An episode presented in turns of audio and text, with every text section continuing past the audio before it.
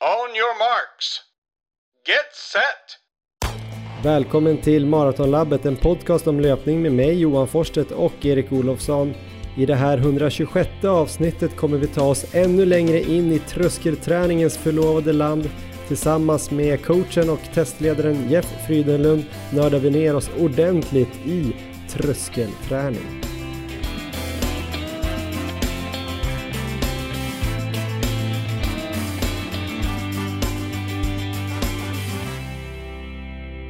Radio, radio, nu gör vi radio.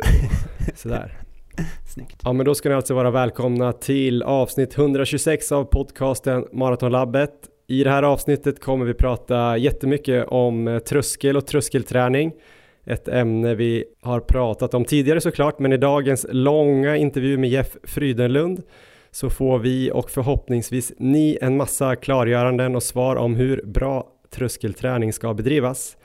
Vilka farter, hur långa pass, hur mycket tid man ska samla i zon 4 på ett pass, hur puls eh, relaterar till laktat, olika tider på dygnet och så vidare. Vi kommer också såklart följa upp vår adept Mikaela Bergman som vi tränar för sub 3.30 på Stockholm Marathon. Och det närmaste delmålet är ju Adidas premiärmilen i Stockholm lördag 26 mars där hon nog kommer springa väldigt, väldigt snabbt.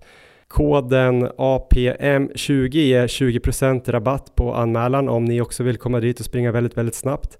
Eh, och anmälan är öppen då fram till cirka en timme före start på stockholmmaraton.se premiarmilen. Erik Olofsson, det där var en del info om det här avsnittet. Eh, hur är det med dig och eh, hur är din relation till tröskelträning lite snabbt?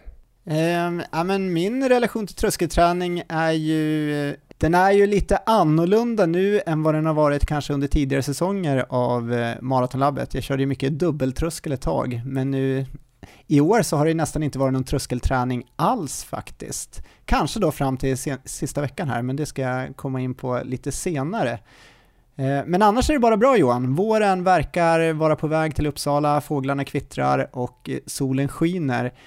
Så man blir ju otroligt sugen på att ge sig ut och springa varje dag. Men du befinner dig inte i Uppsala och inte heller i Sverige, du är på Mallis. Ehm, hur är läget där? Jag har ju sett här på Strava att eh, rent löpmässigt så verkar det gå riktigt bra. Det har varit både långpass i bergsmiljö och intervaller på bana. Hur är det där borta? Ja, men jag är här på lite delad föräldraledighet tillsammans med Emma då och eh, mina barn Elmer och Alve. Det blir mycket tid med familjen.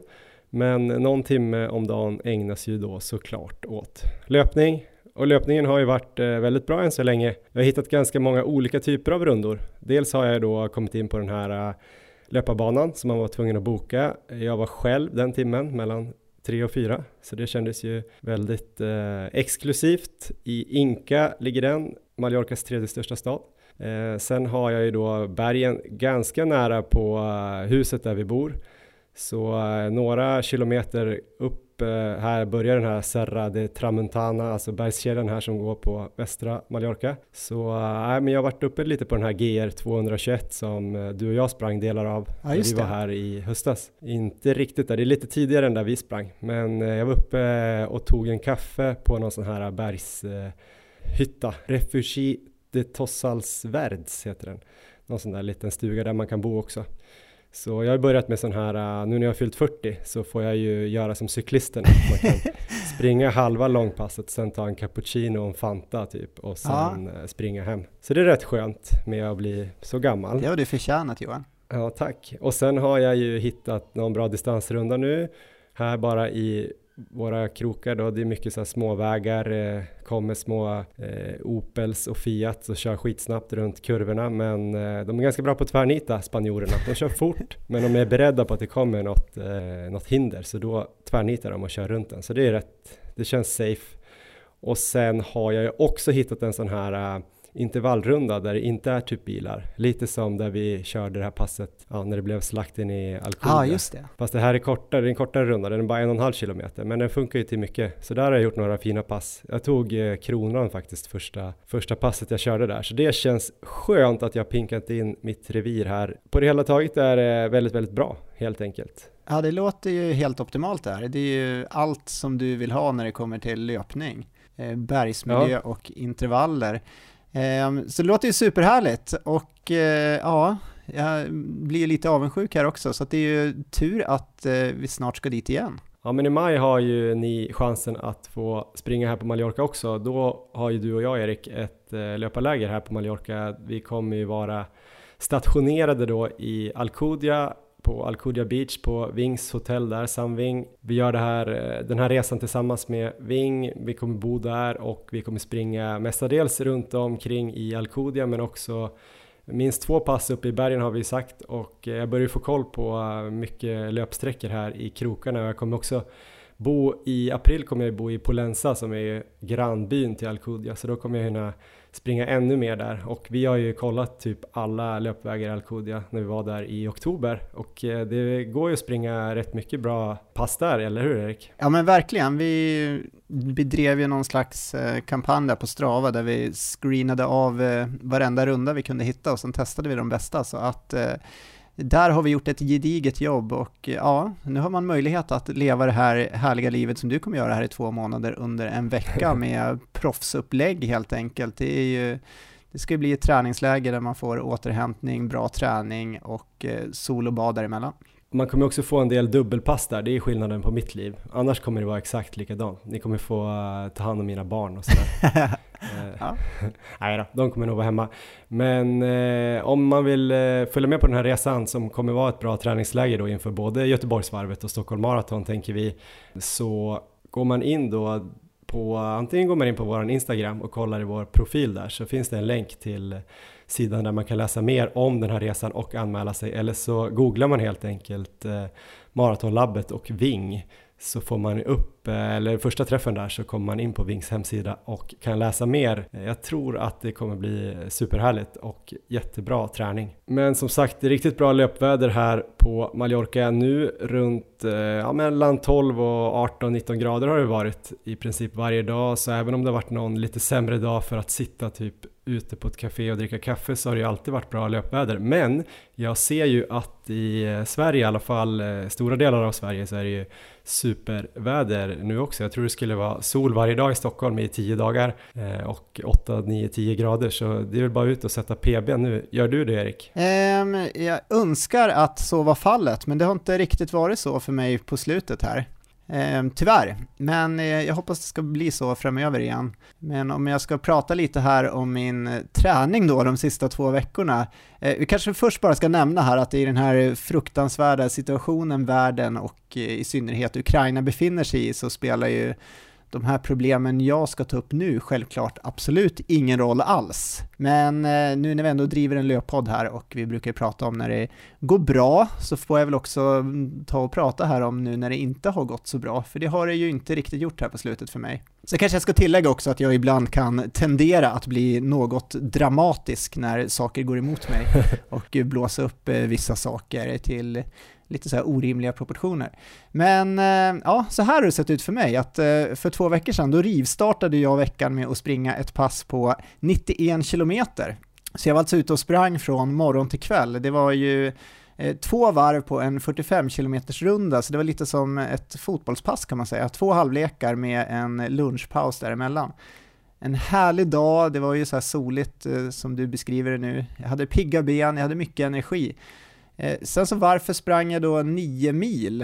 Eh, för det har ju inte varit min plan riktigt innan. Jag drog ju mitt eh, träningsupplägg här för något avsnitt sen och då pratade jag väl om att jag inte skulle springa över fem mil utan försöka ha ett par långpass i veckan men inte de här eh, superlånga. Och det här har jag väl frågat mig själv nu i efterhand lite varför, varför det blev så här.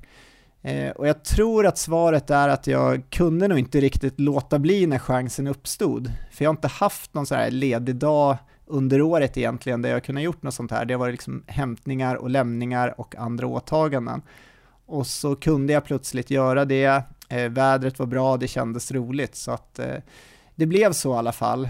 Men efter det här passet så tog jag två lugna distansdagar och i samma veva så fick Leon vattkoppor och var nu hemma från skolan. Så då vart ju möjligheterna att springa plötsligt väldigt små, vilket ju inte gjorde så mycket där i början då när jag ändå behövde återhämta mig lite efter det här passet. Men tre dagar efter så hade jag ändå planerat att jag skulle springa någon form av kvalitet och då hade jag tänkt eh, lite lägre farter ändå, kanske så här tre kilometers intervaller.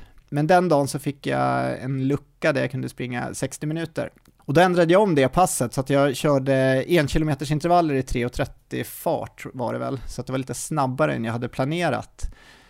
Och det passet kändes bra, så att då var liksom benen återhämtade efter eh, mitt 9 mils pass. Dagen mm. efter det, då dök möjligheten upp till långpass, lite oväntat. så då tog jag den utan att kanske så tänka mycket på eh, helheten och vad jag hade gjort innan, utan jag gav mig ut och sprang ett 45 km pass. Och här har vi väl problemet då som jag haft på slutet och det är nog att jag har haft en plan som jag velat göra, jag har haft en veckovolym jag velat nå och när saker i vardagen inte har varit som planerat så har jag inte kunnat riktigt acceptera det utan istället försökt trycka in pass Eh, där det varit möjligt. Men då har jag inte fått den här helheten med återhämtning riktigt och så. För på det passet, fyra mil in på passet får jag en känning i underbenet på höger ben, bryter passet och går hem. Och sen så har jag testat lite dagen efter. Jag testade dagen efter, kunde springa fyra kilometer kanske innan den här smärtan kom tillbaka. Tog ett par vilodagar och testade igen och då tog jag mig åtta kilometer utan smärta men sen kom känningen tillbaka. Så jag har ju brytit då direkt så fort den här känningen har kommit. Och nu idag när vi spelar in här, det är alltså måndag, så har jag vilat helt från löpning i fyra dagar, trots det här underbara vädret för löpning. Men jag ska idag efter inspelning gå ut och testa benet. Och eh, jag har inte alls känt någonting sista dagarna, så förhoppningen är ju att det är borta nu, att jag har vilat bort det. Eh, men vi får se om det kommer fortsätta vara med mig länge framöver eller om det är borta idag. Jag är ganska nervös för hur det kommer gå. Vad är det för typ av eh, skada då i underbenet? Det låter nästan som ENOL eller SOL när de säger att det är en, en skada i eh, nedre delen av kroppen. ja, precis. Kan du vara mer precis? Är det hälsenorna? Har du fått mina hälsenor? Nej, det man tänker då på underbenet, det är som att det sitter på insidan av, ja man har väl två, två ben här i underbenet, så det är som en punkt där på ett av de underbenen som liksom, eh, ja, det är, det är en smärta som liksom ligger där när jag då belastar ett tag. Eh, så att det är väl helt enkelt att jag, jag körde nog lite för mycket där, eh, för nära en på med för lite återhämtning. Är det sån här Erik Olofsson smärta, alltså att det är en etta på en smärtskala 1 till 10 eller och du avbryter och vilar fyra dagar eller är det mer än så? Kanske ett och en halv då, så att det är inte, det är inte, det är inte så långt därifrån, utan det är ju, det är verkligen en sån här säkerhetsåtgärd jag har tagit här. Men har du lärt dig något av det här då? Hur skulle du kunna gjort det annorlunda? Har du några tips till lyssnarna som också kan eh, stå inför de här problemen att man eh, Eh, inte kanske alltid kan göra passen exakt eh, där man vill göra och så börjar man stressa in pass? Ja, nej men det är nog bara att acceptera mm, livssituationen att nu har det här dykt upp, nu har eh, barnen fått vattkoppor eller vad det nu är och jag kommer inte kunna springa lika mycket som jag tänkt men det är bättre att se på helheten och acceptera att volymen blir mindre den veckan, att man missar ett par pass, det är ändå inte hela världen. Ehm, det är bättre att göra så än att göra nu som jag har gjort här och försöka ehm, trycka in pass i alla luckor som uppstår. Det är alltid lättare sagt än gjort. Jag är bra på att sitta och säga saker, men det är inte alltid jag är så bra på att följa det. Men eh, jag har nu missat alltså nio dagar löpning kan man säga, så jag tror inte det är någon problem inför SM på 24 timmar. Men om det inte är bra idag när jag testar sen, då tycker jag det börjar se riktigt mörkt ut. Ehm, och eh, blir det då ett par veckor nu när jag inte kommer springa, då har jag svårt att se att det ska bli någon start i SM för att eh, ehm, ja, det är ju en distans som jag tycker ändå bygger mycket på att man har byggt upp en muskulär tålighet och det kommer inte jag känna att jag har om jag om de här problemen kvarstår nu i flera veckor. Så att det är, ja, jag tror det kommer avgöras lite idag faktiskt här efter pass, eller efter inspelningen. Men du fick i alla fall in de där 10 gånger en kilometer i 3.30. Det har du med dig. ja, får se vad jag ska använda dem till. Men eh, det som är lite spännande ändå att jag har ju här, för i början var jag lite eh, mentalt sänkt. Jag har tränat eh, väldigt mycket hela året här med det här målet i sikte. Så att jag hade väl en dag när jag var väldigt besviken. Eh, eh, återigen då i jämförelse med vad som händer runt om i världen så, så är det självklart inte ett dugg synd om mig. Men det kändes så eh, under den dagen. Men sen har jag kommit på någonting. Jag har eh, en plan B här som känns otroligt rolig och inspirerande om det nu skulle visa sig att eh, den här smärtan sitter kvar och jag inte kommer kunna springa här på ett par veckor. Ehm, så att då, då finns det ändå en möjlighet ehm, som jag kommer gå för istället. Men vi kanske ska avvakta lite med det till ja, efter intervjun, för det har lite med det att göra faktiskt. Ja men vad spännande, det tycker jag vi kan göra en liten cliffhanger och eh, du var ju också inne på det här med ja, Rysslands invasion av Ukraina och sådär. Eh, det vill jag väl också poängtera här att eh, det känns väldigt absurt att typ åka, packa ner familjen, eh, åka på semester till Mallis när folk i Ukraina packar ner familjen och försöker få ut dem ur landet och sen åker tillbaks och slåss mot eh, någon eh, galen främmande makt. Så att eh, väldigt, väldigt konstigt och vi kan ju bara uppmana alla att eh, ja, ge pengar till Unicef eller UNCHR för att eh, ja, men stötta barn i Ukraina eller som är på flykt från det här kriget och eh, helt bisarrt och sjukt eh, ja, ledsamt. Yes, vi har ett samarbete med Löplabbet Erik. Det är ju för de som inte vet det då knappast någon som inte vet det, men eh, det är ju Sveriges största butikskedja för löpning och den bästa butikskedjan. De har ju åtta fysiska butiker och så har de ju också då den här hemsidan löplabbet.se där de säljer alla sina prylar men också tipsar om eh, en massa olika träningsgrejer, eh, både alltså själva pass eller hur man ska lägga upp sin träning för att bli bättre men också då guider kring eh, material eller hur man kan dubba sina egna skor eller vad det nu kan vara. Eh, jag tänkte att vi skulle snacka lite om skor idag, lite snabbt Erik. Eh, kanske är du intresserad av hur många par skor jag fick med mig ner till Mallorca och vilka skor jag valde. Låt höra. Det är spännande. Ja. Det är väldigt svårt det här med skor för vi städade ut vår lägenhet innan vi åkte ner för vi hyr ut den i två månader i Stockholm alltså och eh, det visar sig att jag har otroligt eh, många par skor nu. Vi har ju fått testa en del för löplabbet och så har man väl fått ett par här och där från något skomärke som vill att man ska prova eller använda dem och så har vi ju köpt en hel del par skor själva så att jag tror säkert att jag hade så här, jag vet inte, Emma räknade, jag vågar knappt säga men om det var kanske 40 par i, i hallen i en garderob där. Ja, fick du med alla? Eh, det fick inte med alla. Jag tog med fem par skor tror jag. Låter det rimligt? Jag har då ett par eh, rena distansskor och då tog jag med mig Asics Gel Nimbus Light 3. Jättetrivsamma. Jag använder dem ju till och med uppe eh, i bergen en dag. Funkade helt okej. Okay. Kanske på de mest tekniska partierna så skulle jag behövt en trailsko. Men annars är de så himla förlåtande så jag mår bra av dem. Sen har jag ju faktiskt en massa kolfiberskor märkte jag när jag kollade igenom igår. Jag har ju då dels eh, Adidas Adios Pro 2. De har jag tänkt använda till eh, lite längre intervaller, tröskelintervaller, kanske halvmarafart, marafart. Eh, jag har med mig ett par gamla Vaporfly Next Percent, de här gröna som jag faktiskt i princip har sprungit slut på när det gäller tävlingar och lopp, men de eh, har fortfarande lite studs i sig och de är fortfarande lika lätta såklart. De har jag tänkt ha på bana, jag tycker de är sköna på bana. Ja. Sen har jag Saucony Endorphin Pro 2 de kör jag som lite allt möjligt. De är ganska så här äh, smidiga, de är lite tyngre än äh, Nike Vaporfly. Jag tror inte de är li riktigt lika snabba och studsiga, men de sitter väldigt, väldigt bra. Kanske de skönaste skorna jag har med mig, förutom eh, distansskorna då. Och sen så har jag ju med mig då de här uh, North Face Flight Vective då, för att springa i bergen med. Jag har inte sprungit jättemycket med dem i bergen, så nu ska de ju verkligen få testas här. Och det är också kolfiberplatta i dem. Jag vet inte, tror du att det kommer vara bra eller dåligt att jag har så många kolfiberskor? Kommer mina fötter bli helt eh, lama och svaga eller?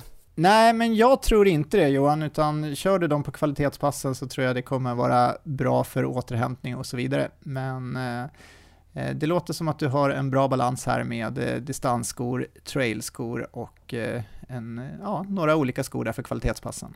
Mm. Gå in och kolla på löplabbet.se om ni blev skosugna. Och jag har också ett samarbete med Flowlife som ju gör eh, återhämtningsprodukter, också en del träningsprodukter. Eh, de hittar ni ju på www.flowlife.com. Eh, vi gillar ju väldigt många av deras produkter och här samma tema Erik. Vilka Flowlife-produkter har jag med mig? Du kanske kan få gissa vilka det blev? Um, ja, jag tror du har med Flowpillow. Jag tror du har med en Flowgun. Jag gissar på någon av de mindre rese, resevarianten kanske. Och sen så tror jag att du fick med dig Flow Tank. Härligt Erik, du har ju blivit synsk. eller har du någon sorts övervakning eller kontakt med min familj? Så kan det vara. Nej men exakt så blev det. Det blev eh, Flowgun eh, Pocket, den minsta eh, massagepistolen som ju funkar jättebra. Jag kör den i mina ljumskar, vill inte gå in på några detaljer, men de blir bättre av det. Sen igår när jag satt och klippte intervjun som ni snart kommer få höra med Jeff Frydenlund så körde jag eh, Flowpillow, massagekudden, på mina fötter. Framförallt höger fot som på sista intervallen av gårdagens pass plötsligt eh, blev helt så konstig. Så jag var livrädd där eh, att eh, hela plantarfasciten hade gett upp totalt och hela foten kollapsade. Men eh, jag tror det ska vara okej. Okay. Men eh, det var ju perfekt att få lite massage samtidigt som jag jobbade och sen så flowtanken då är ju för att jag ska kunna köra styrka på i trädgården här efter passen. Eh, den har jag ju fyllt upp så mycket jag kan nu så jag tror den väger strax över 20 kilo. Så man kan ändå göra lite, lite saker med enbensutfall eller sådana här Bulgarian split squats och sånt. Sen att du tar typ 80 kilo på dem, det är en annan sak. Men mina fågelben, då funkar det perfekt med 20 kilo. Så det är ju bra att kunna då ta med den där och sen fylla upp den på plats. Eh, smart uppfinning faktiskt. Så får vi se om jag hittar något gym också, annars blir det ju ännu viktigare att jag har med mig den där. Så eh, vi får tacka Flowlife också. Gå in och kolla där på flowlife.com Ja men då har vi kommit fram till veckans intervju som ju är med Jeff Frydenlund som jobbar på Activitus i Hagaparken i Stockholm. Eh, vi kommer prata jättemycket om tröskelträning och eh, kommer väl eh, ställa både enkla och svåra frågor till honom. Eh, ganska grundligt kanske i början av intervjun och sen kommer det väl lite mer så här avancerade frågor, eller inte att frågorna är avancerade, men kanske lite mer finlir på tröskelträning som kanske inte ens är relevant att veta. Men om man är två löpnördar så är det ju kul att veta. Vi har ju fått mycket frågor om tröskel genom de här åren. Men här kommer alltså den här ganska långa intervjun med Jeff Frydenlund om tröskel och tröskelträning. Varsågoda. On your marks. Get set. Ja, men då får jag säga välkommen återigen då till Jeff Frydenlund. Hur är läget Jeff? Det är bra tack. Solen skiner och eh, jag ska springa eftermiddag så det är bra. Ja men det är härligt. Det gör man i och för sig nästan varje dag så varje dag blir en bra dag om man får springa, eller? Ja exakt, om det är definitionen av en bra dag så absolut. Det brukar bli bättre i alla fall. Eh, du kan väl kanske säga till om jag säger någonting fel men du är i alla fall, du jobbar på Activitus i Haga i Stockholm. Du är tränare, du är triatlet vad är du mer?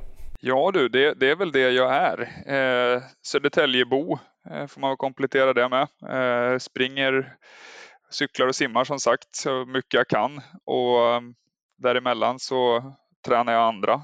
Eller det är väl först och främst det jag gör och sen springer och cyklar och simmar själv så mycket jag hinner efter det.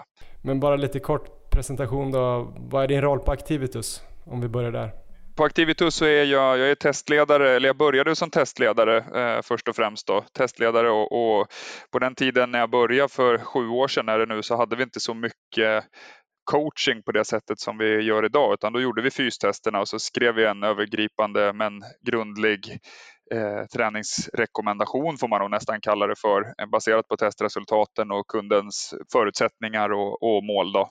Eh, sen har det flutit över i mer och mer testlederi var det ett tag, stod och veva nästan 12 fystester i veckan eh, över tid. Det låter inte så mycket men det blir ganska mycket.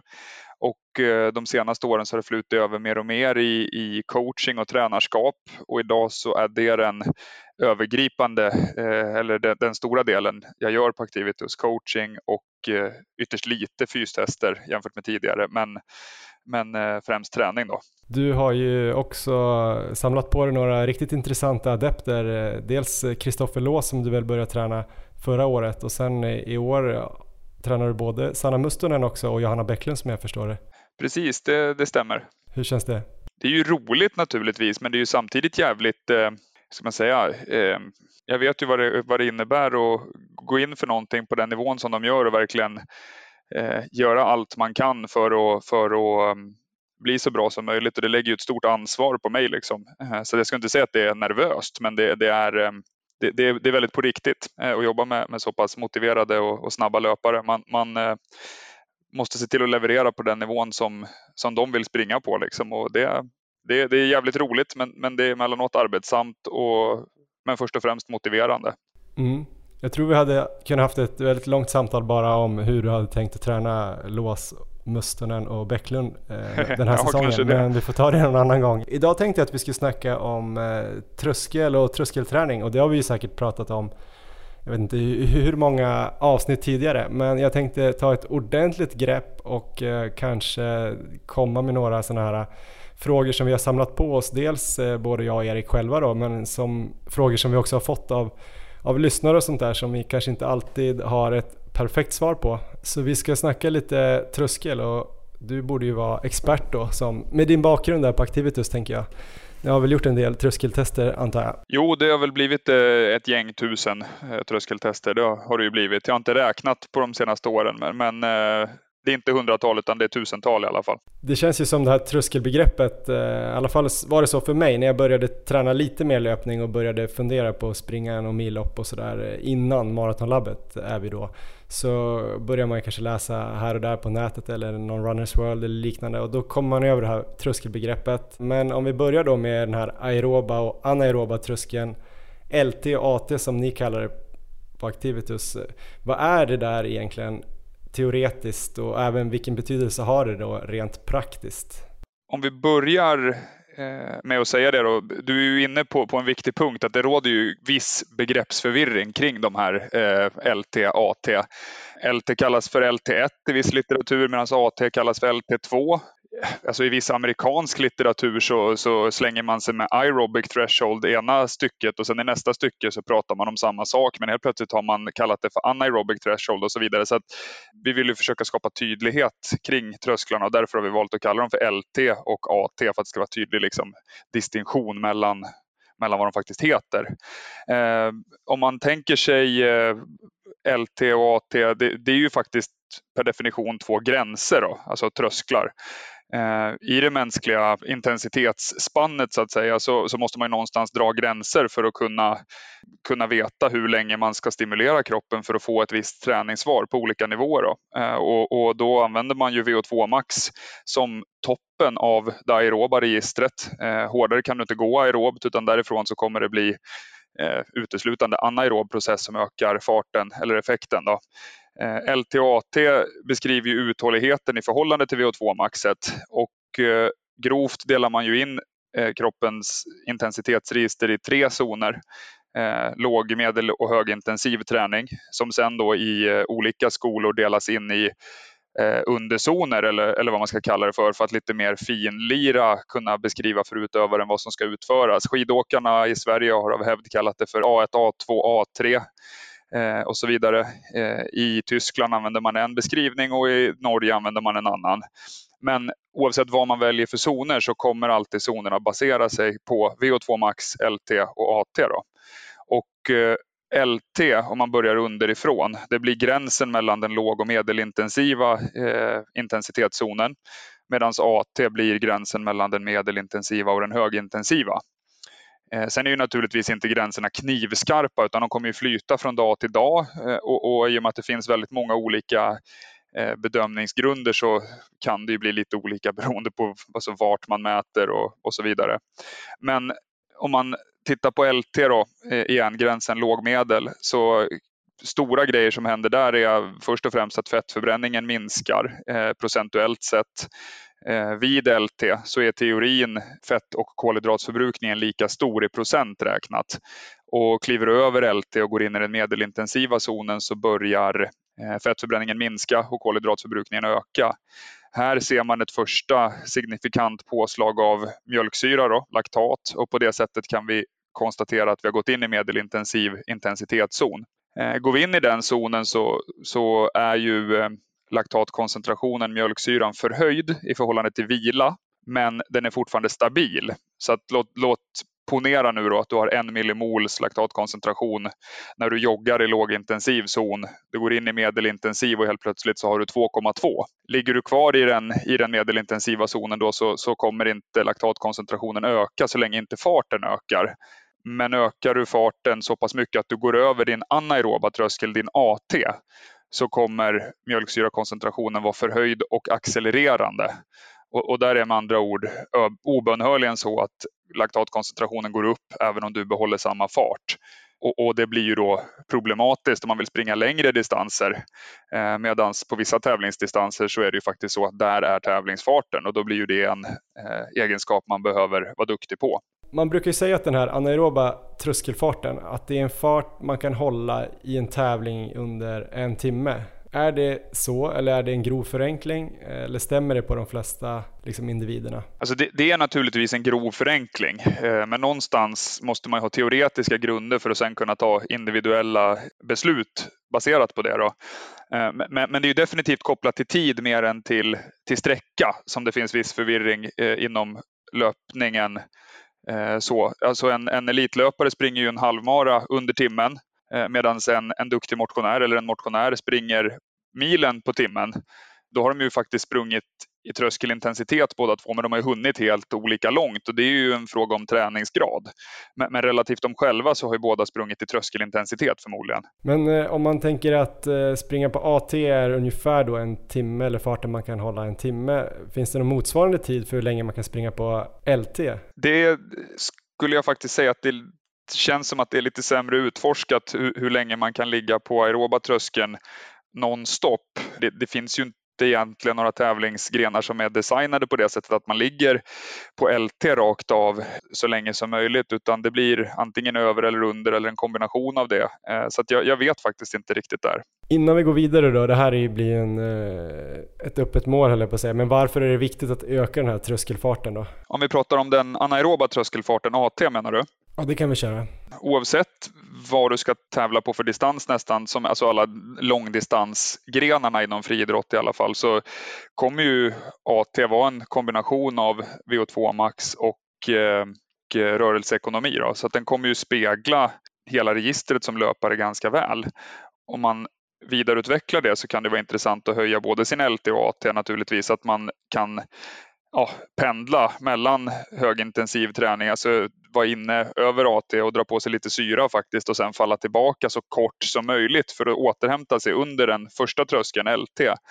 Har du långt mm. mellan, mellan dina trösklar och får en väldigt bred medelintensiv zon, då kommer du vara ganska begränsad i din förmåga att gå upp och pressa, gasa lite eh, och, och, faktiskt gå för hårt för du kommer inte få den återhämtningen som du behöver när du faller ner un, under AT utan då måste du falla väldigt långt för att komma ner under LT och där få optimal återhämtning. Då. Eh, så det, det, finns många, många anledningar att förbättra sin, sin AT, definitivt. Mm.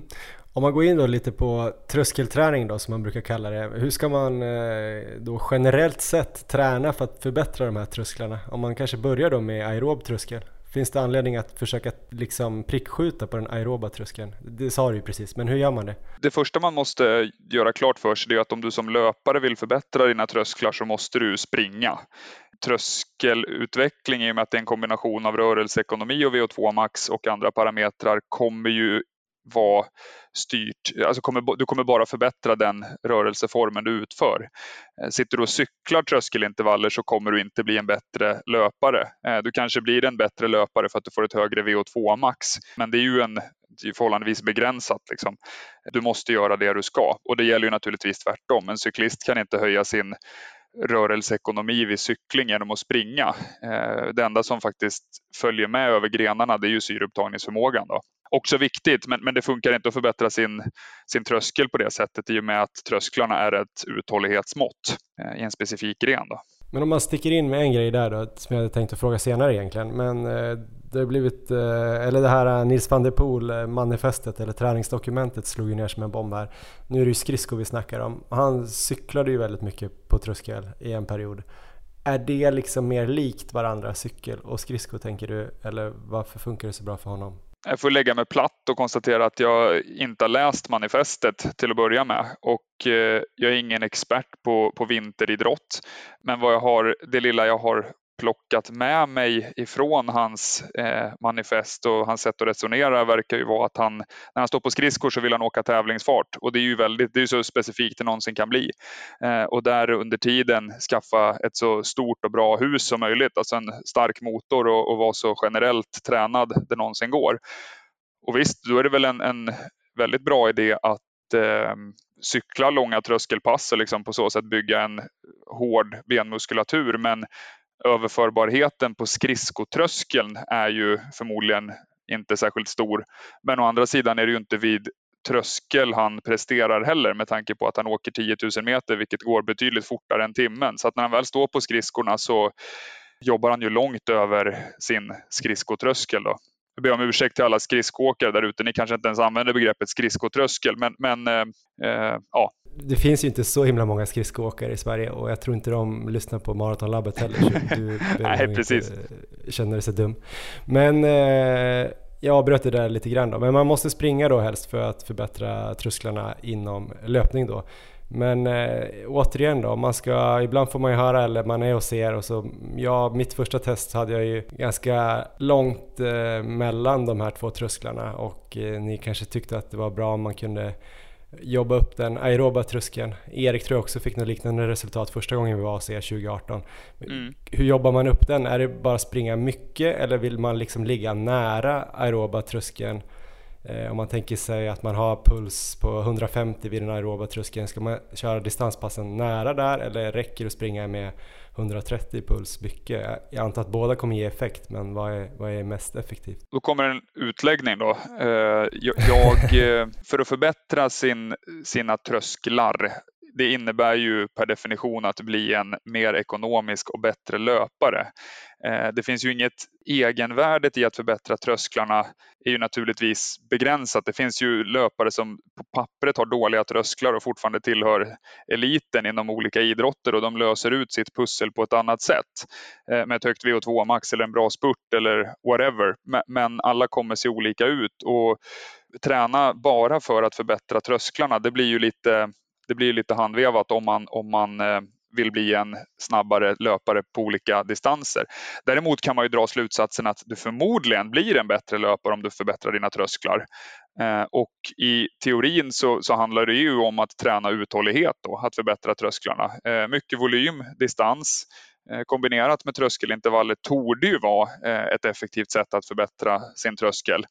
Men Sen kanske man behöver tänka om lite grann och tänka eh, att tröskelträning exempelvis, eller VO2 max-träning för den delen, det kanske är ett felaktigt antagande att tänka att tröskelträning absolut förbättrar tröskeln och inget annat och VO2 max förbättrar VO2 och inget annat. Jag, jag, tycker att ibland fastnar man i den diskussionen kring, man, man, ser ett testresultat och så drar då utövaren främst slutsatsen att ah, mitt VO2 är lågt, jag måste förbättra VO2, jag ska träna VO2. Och så dundrar på med VO2 blir skadad, för det är en väldigt slitsam träningsform. Då. Med det sagt så kanske vi snarare behöver tänka VO2 max-träning sker vid VO2 max och tröskelträning sker vid tröskel. Och, och vad responsen blir är kanske lika mycket en genetisk fråga eller kanske mer en genetisk fråga. Hur reagerar du på tröskelträning och hur reagerar jag? Du kanske får svar på din tröskel men jag vet ju av många års testande på mig själv att mitt bästa sätt att förbättra VO2 max det är att köra sjukt mycket tröskelintervaller på cykel. Om man tittar på den totala belastningen jag får ihop av att köra tre intervallpass på cykel eh, jämfört med att köra fem eh, tröskelpass på cykel så blir fortfarande totalstressen högre efter trösklarna. För om jag kör tre VO2 maxpass då är jag så jävla trasig att jag måste ligga på soffan emellan mellan passen. Medan med trösklarna klarar jag av att vara ute och samla stresspoäng eller TSS eller vad du vill kalla det för på andra sätt. Och med det så blir den totala belastningen större och prestationen ökar. Lång utläggning, men, men som sagt de generella riktlinjerna är, är ju tröskelintervaller och volym och snabbdistans för att förbättra uthålligheten. Men jag vill utmana tänket och, och kanske snarare söka sitt individuella svar. Jag tänkte på det där just att, att träna då, tröskelträning eller, eller pass som är eh, nära tröskel. Det är ju kanske självklart att det kommer vara effektivt för att jobba mot de här trösklarna. Om man bara skulle träna väldigt mycket lågintensiv träning vilket ju också förbättra då mitokondrier, mitokondriernas kvalitet och antal och även kapillärer och sånt där. Kommer det också förbättra tröskelfarten för att man ju då får större kapacitet att eh, förse musklerna med syre? Alltså skulle man kunna bara köra volymträning och ändå få bättre tröskelfart? Det blir ja, ja och nej svar tänker jag. Alla de här grejerna du räknar upp, kapillarisering, förkortat diffusionsavstånd och, eh, och så vidare.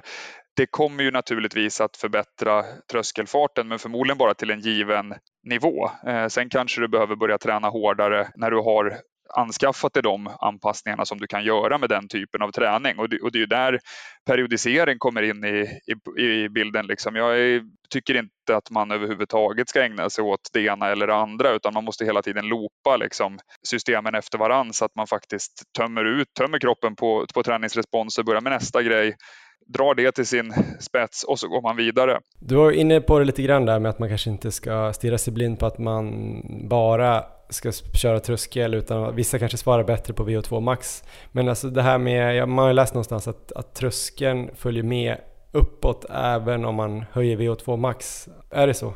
Förmodligen eh, blir, skulle jag svara då. eh, men alltså det, absolut, oftast så är det så att en löpare som höjer sitt VO2 max lyckas ofta dra med sig sin tröskel. Men, men vi ska ha klart för oss att VO2 maxet det går ju bara att höja till en given nivå liksom. och så är det naturligtvis med tröskeln också. Annars skulle vi aldrig sluta utvecklas och så vidare. Då skulle världsrekorden slaktas eh, stup i ett. Men, men den relativt lilla ökningen man kan göra på VO2 max eh, kanske är överskattad jämfört med de eh, förmågorna du kan träna upp kring alltså andra delar av, av ditt register, uthålligheten och styrkan, spänsten eh, och mm. så vidare. Så absolut ska man jobba med att höja sitt, sitt VO2 men jag tycker att det är ganska riskabelt som som löpare att välja den vägen först. Alltså när du har, mm. när du har testat och tränat strukturerat i tio års tid eh, och lagt en väldigt bra grund eh, och, och, känner att du stagnerar, men då kanske du måste göra en intervention, intervention på VO2 max. Men det, det, är i alla fall min fasta övertygelse att man bör låta VO2 max utvecklas i sin, i sin takt så att säga och, och så sällan som möjligt som löpare framförallt göra stora VO2 max-insatser. Det är så pass riskabelt för, alltså ur skadeperspektiv eh, jämfört med en cyklist då, som kan sitta och köra fem VO2 max-pass på rad på en testcykel och i princip komma undan helt riskfritt. Ja, man får väl komma ihåg där som du säger att styrketräning och bättre löpteknik och sånt där ger ju också bättre tröskelfart såklart. Absolut. Men om man går in då när man, lite så här praktiska frågor, hands-on grejer som, som jag vet att många undrar över. Eh, om man tänker sig fem zoner som många har på klockorna, då mm. borde den medelintensiva intensitetszonen som du pratar om vara zon 3 och 4 tänker jag. Där kanske zon Tre är då mer eh, att man tränar i den här stabila eh, tröskelzonen, alltså man kan eh, lite marafart i, i zon 3, laktatet stiger inte allt för mycket och sen zon 4 då när man kommer in där så börjar man närma sig sin, sin AT. Den här zon 4 då, om man säger att eh, vi pratar om en person då som kanske har, eh, säg att de har 190 maxpuls och eh, den anaeroba tröskeln är på 170 hur stor är den här eh, zon 4? Går den över 170 eller bara ner under 170 eller hur brukar man säga om man ska träna då i zon 4 om man nu vill göra så konkret? Eh, det, det, är en jätterelevant fråga och det, det är något som behöver benas ut eh, tycker jag. Den, eh, den här femzonskalan som vi använder i ja, men de stora eh, tillverkarna av klockor, det är Garmin, Wahoo, Sunto och så vidare. Det är ju en amerikansk, jag vet inte fan om han är professor, men en amerikansk idrottsfysiolog som heter eh, Coggan i efternamn som har tagit fram den skalan då. och i deras värld så flyter ju zon 4 över AT och under så att det blir, det blir en zon där tröskeln ligger i mitten. Eh, gör du mm. egna fälttester och matar in värden i sådana här snurror, femzonsnurror, så får du en tröskel mitt i zon 4 och sen har du en tröskelzon som går över och under. Zon 3 blir ju som du säger någon form av snabbdistanszon och eh, den torde ju sluta då där, alltså den borde börja vid LT och, och eh, allt under LT, zon 2 och zon 1. Men det, vi på Activitus har varit, vi har dragit en gräns vid AT och delat in zon 4 i två halvor. Eh, zon 4 minus mm. och zon 4 plus. Det är ju stor skillnad på att träna över sin tröskel och faktiskt ackumulera mjölksyra. Passen blir betydligt kortare där. Du behöver ha en helt annan viloratio om du ska liksom orka genomföra passet, orka genomföra det totalantalet av minuter som behövs för att få en, en anpassning. Under AT, å andra sidan, så kan du springa med längre serier, du kan springa med kortare vila och, och få en betydligt mindre ansamling av mjölksyra som sedan inte ökar. Vi drar zon 4 från Alltså om du tänker det här avståndet då, mellan 150 som är LT och 170 som är AT så lägger vi de mm. översta 25 procenten eh, i den zonen eh, blir zon 4 minus och de under 75 procenten blir zon 3. Och sen börjar ju zon 4 plus över AT. Då. Och det. Var en lång utläggning om hur vi delar in zon 4. Hur var frågan Johan? ja, men frågan var ju hur den här zon 4 var då, men då var svaret eh, just på det här konkreta exemplet eh, blev det ju då att eh, AT eller zon 4 skulle börja vid 165 då. Just det. Och sen gick det även då över några slag, över 170, men då, då kallade, kallade ni det för, eller zon 4 plus, kallade ni det?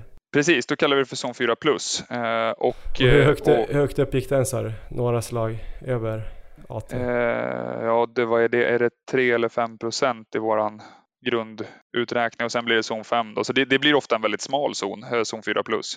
Men det är ju som sagt jätteskillnad på att ligga i de olika, olika zonerna. Då. Och, och här är det ju jätteviktigt att man, alltså om, man, om man ska träna sin anaeroba tröskel så är det jätte, jätteviktigt att få en tydlig röd tråd genom hela kedjan och då menar jag från tröskel, alltså tillfället där tröskeln bedöms. Det finns väldigt, väldigt många olika modeller för att bedöma tröskel där Obla, det gamla skolboksexemplet, bara är en av eh, jag tror att det finns 20 varianter. Liksom det är Padilla-test och det är Activitus-tester. Olympiatoppen gör på sitt sätt och så vidare. Men det är jätteviktigt att ha den röda tråden då från hur tröskeln bedöms, hur träningen beskrivs, hur träningen genomförs och hur träningen följs upp sen. Då. Så att mm. det är inte helt säkert att det blir rätt om man bara gör ett test någonstans och, och sen eh, väljer att köra på och träna helt själv efter, eh, efter de resultaten utan man kan behöva hjälp med att faktiskt eh, förstå hur mycket tid man ska spendera i eh, respektive zon eh, för att få träningsutveckling och det hjälper vi till med våra membership-tjänster till exempel. Den röda tråden är jätteviktig där. Men om vi går vidare där då så tänker man lite grann om man ska träna ett sånt här lite mer klassiskt tröskelpass, det här första som man kanske läser om när man ska börja träna, att man då vill ligga under sin anaeroba tröskel. Så då säger vi då mellan 165 och 170 i puls ungefär. Där vill man ligga och sikta. Hur lång arbetstid ska det vara på ett sånt pass tycker du? Och jag fattar att det är ett pass är ett pass, det är såklart helheten. Man kanske kör dubbeltröskel eller vad som helst. Men, men vad brukar man säga att ett pass ska vara ungefär? Eh, det där är ju jättemycket hur långt det är ett snöre liksom och, och, precis som du säger och det handlar ju först och främst om vilken nivå man håller eh, naturligtvis. Är man elitlöpare så blir ju passet såklart mycket längre än, än om man är nybörjare och är man total ny kanske man inte ska springa tröskel alls. Men om man tittar på rekommendationer och liksom guidelines som går att plocka ut ur, ur litteraturen så tycker ju exempelvis Jack Daniels att 20% av veckovolymen totalt sett kan vara tröskel. Eh, och sen behöver man, får man ju dela upp det lite olika då, beroende på hur många kilometer eller timmar man har att spela med. Eh, tittar man på Olympiatoppen eh, så pratar de om att ett, ett, eh, ett tröskelpass i den här kontrollerade tröskelzonen kan vara ända upp mot 90 minuter långt. Eh, då är det förmodligen främst för cyklister och längdåkare kanske. Eh, löpare kanske ligger lite lägre totalt sett. Men jag skulle, alltså om man bara ska dra ett grovt genomsnitt för, för våra, alltså våra kunder hos Activitus till exempel som ändå representerar den duktiga motionären, alltså elitmotionären och, och sen några få elitidrottare. Eh, så, mellan 20 och 40 minuter aktiv tid eh, per pass. Liksom. Mycket mer än så är det inte. Och hur viktigt eh, är det då att samla mycket tid i den här tröskelzonen då, om man tänker 165 till 170 i puls? Om man nu mäter då sina tröskelpass i puls och inte har börjat mäta kanske laktat och så, vilket man också kan göra. Det kanske vi kommer till. Vissa pass kan ibland kännas som att de ger lite, lite tid i zon 4 om man kollar klockan sen och hur pulsen har legat för det kanske tar lite tid att komma upp i puls i början av passet och, och kanske efter vilan mellan intervallerna om man nu kör intervallform. Är det liksom något problem om man hamnar, säg att man gör eh, 40 minuter då i, och tänker att det ska vara ett bra tröskelpass och så ser man att man haft 20 minuter i zon 3 och bara 20 minuter i zon 4. Vill man ha liksom 40 minuter i zon 4 och hur gör man det i sådana fall? Det är en jättebra fråga Johan och det, det får jag svinmycket frågor på. Allt från alltså, totala nybörjare till elitlöpare frågar om, om precis det där och någonstans så kan jag tycka att det blir lite data overload eh, vad det gäller vår, vår alltså, men vi kan ju analysera så jävla mycket idag. Vi har våra appar och vi har liksom det far in i datorn och man får ut diagram och, och så vidare. Men och någonstans där försvinner känslan och intentionen med träningen. Eh, för, den går inte att kvantifiera på samma sätt. Och om man har ett exempel med 20 minuter zon 3, 20 minuter zon 4 eh, exempelvis då, eh, så mm. är det ju förmodligen så att de där 20 minuterna zon 3 ligger väldigt högt upp i zon 3 på gränsen till zon 4 och då kan man ju börja med att fråga sig, är kroppen så jävla fintunad att inte de minuterna räknas? Det, det tror inte jag, utan det, det är ju de har ju hamnat där för att man har haft intentionen att komma in i zon 4 men ja, av någon anledning så har hjärtat inte riktigt tagit de där sista slagen. Men jag är helt övertygad om att om du jämför lojalt din puls mot borgskalan, upplevd ansträngning, så kommer ju de minuterna som inte hamnar i zon 4 naturligtvis att ge tröskeleffekt. Eh, sen är det väl kul att lyckas bocka i alla, bo alla boxarna på ett pass och få så många minuter som möjligt i rätt zon. Men jag tror inte att det, det är en nödvändighet för att passet ska ge den eftersträvade effekten.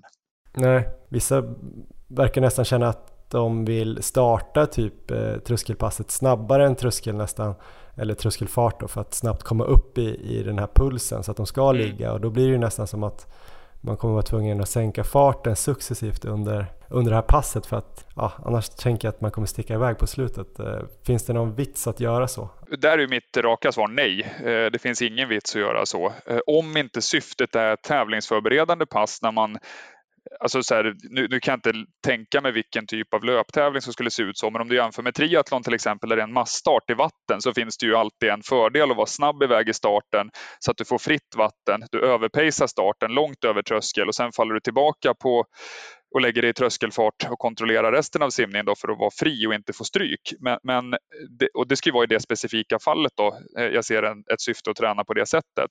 Men om man tänker sig det man vill uppnå med tröskel, det är ju liksom tid där du faktiskt ligger med en acceptabel miljö i, i muskulaturen där du inte ackumulerar någon mjölksyra. Eh, och, och, om du då gör tvärtom och sticker iväg hårt i början, blir anaerob, då är ju anledningen till att pulsen är hög då, det är att du har skapat en sämre miljö som måste hanteras och liksom ventileras bort.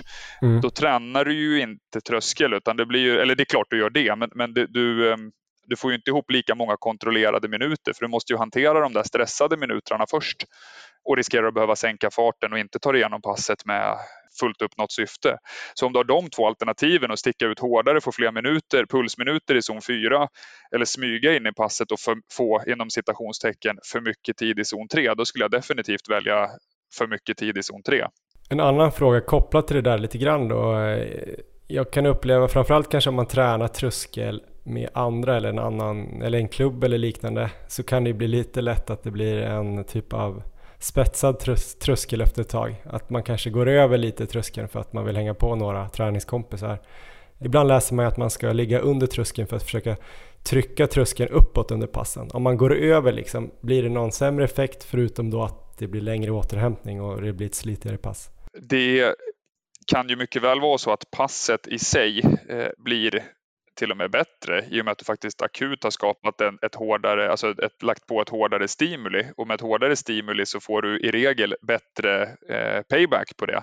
Men det är ju som du säger, förmodligen har du ett träningsprogram och förväntas springa ett långpass dagen efter eller ett joggpass och sen en tröskel dagen efter det genom att vara i mina ögon då oansvarig och gå upp och, och faktiskt eh, köra för hårt när uppgiften inte är att köra för hårt, då, då kommer du ju sätta hela programmet ur spel genom att du någonstans i regel inte dagen efter, men några dagar efter kommer behöva börja ta beslut som att korta ner distanspasset med tre kilometer för man var sliten. Du vet, ställa in joggpasset för man var sliten. Man får inte upp pulsen på det högintensiva passet och så vidare. Så att en gång är ingen gång, men att hela tiden, vilket det kan bli på klubbträningar, ligga och överpacea tröskeln när man kör tröskel det kommer ju förmodligen straffa sig på att man behöver sänka belastningen någon annanstans. Eh, och då är vi tillbaka mm. på det jag pratade om med mig själv och, och min respons på syreupptagningsförmåga. Om du höjer om vi bara enkelt, varje stress du gör blir poäng. Och om du höjer ditt, ditt Eh, tröskelpass med två stresspoäng, du får två poängs lite bättre stimuli som du kommer få respons på senare. Men summan av kardemumman är att den träningsveckan eller tio dagars perioden faktiskt blir sex poäng lägre för att du var sliten och behövde börja ställa in grejer. Då har du ju inte vunnit något. Så det var ett långt svar, men jag tycker definitivt att man ska, man ska sköta sig. Liksom. Eh, vill man utveckla sin prestation och inte spr springer man för att det är kul, och då, då får du göra, då, då, kan du göra vad du vill. Liksom. Är det kul att, att pacea och ta i som fan, gör det för all del. Och, och, det har ju hälsofördelar såklart bara att springa.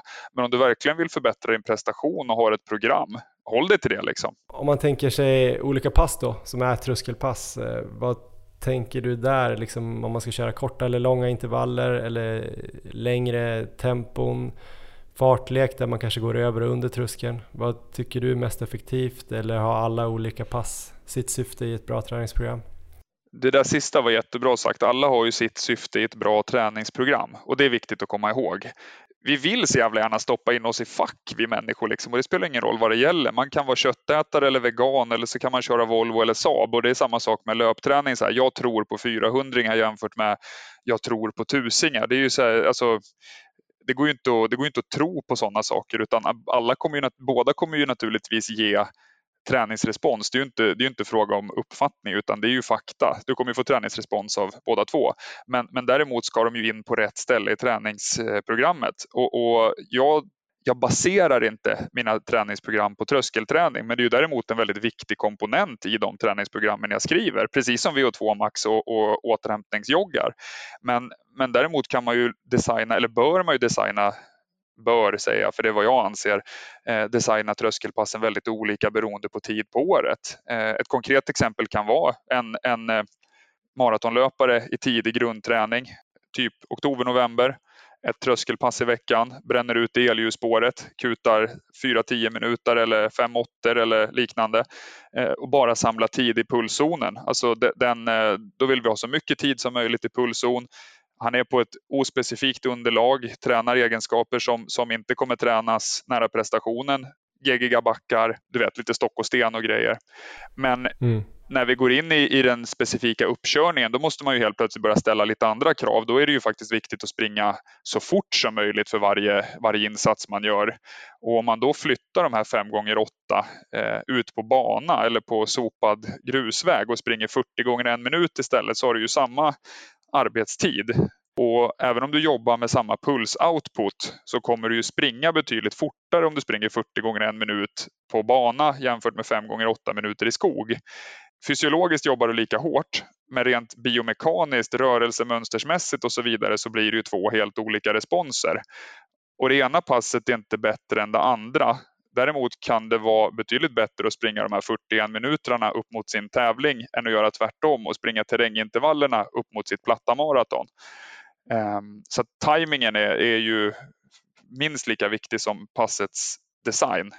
Jättebra. En eh, kort fråga här då. Det kanske blir igen då att jag försöker stoppa in oss människor i ett fack här. Men om man tänker sig, som du nämnde där, eh, 400-ringar. Tusingar är också vanligt att köra 10 gånger 1000. Man tänker då att det motsvaras av 25 gånger 400.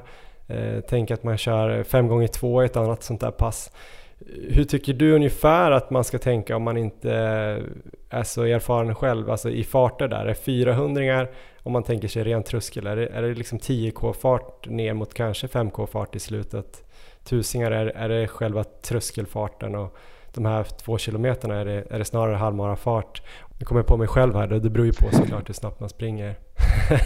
jag, jag tänkte precis säga det. Eh, men jag tror att jag förstår, jag tror att jag förstår vart, du, vart du vill komma. Och, och, farterna, absolut, farterna kommer ju bli annorlunda. Det kommer de bli. Så det är vi överens om. Att springa fem gånger två. Mm. Och, och, så här, uppgiften är att samla 10 000 meter eller 10 kilometer för att vi är tävlingsuppkörning, vi ska tävla. Vi, vi ska samla 10, 10 kilometer i kontrollerad tröskelzon. Vi kan göra det på väldigt olika sätt och vi bör göra det på väldigt olika sätt beroende på vad vi håller på med för distans. 25 gånger 400, eh, förlåt, 24, ja, 25 gånger 400 kommer ju gå fortare till samma insats som 5 gånger 2 Det var vi överens om. Vi släpper yeah. fokus på vad det motsvarar för tävlingsdistansfart, för det är ju helt beroende på hur fort man springer sina tävlingsdistanser. Då. Här bör man yeah. göra någon form av laktattest för att ha koll på vart tävlingsfarterna, eh, eller förlåt, tröskelfarten ligger. Däremot så kan det ju mycket väl vara så att 10 000 meter i tröskelzon är helt fel för en löpare för att den håller en mycket lägre nivå medan det är helt rätt för någon annan. Det, det gäller ju också att hålla koll på. Men generellt, alltså nu väldigt grovt, eh, så skulle jag väl säga att den ju kortare tävlingsdistans du har om vi nu pratar tröskelträning nära tävling. Ju kortare tävlingsdistans du har, välj med fördel då pass med flera repetitioner och mer mikrovila, kort mikrovila som 25 gånger 400 över 5 gånger 2000 som kanske är lämpligare för maraton, halvmaraton. Men du måste ju ha allting någon gång under träningsåret. Så 25 gånger 400 med typ 30 sekunders vila om man börjar köra eh, in mot ett 5K eller 10K lopp då, generellt sett? Mm. Eh, det man får tänka på, bara en, en, stor grej att tänka på då är att det blir 10 000, det är 10 kilometer. Alltså, om vi då tittar på Jack Daniels rekommendation, hur mycket som, en, eh, som bör vara tröskel på en vecka, så säger han max 20 procent. Då lär du springa fem mil i veckan innan du ger dig på det passet. Ja. Och sen har du ju gjort alla dina tröskelminuter för den veckan.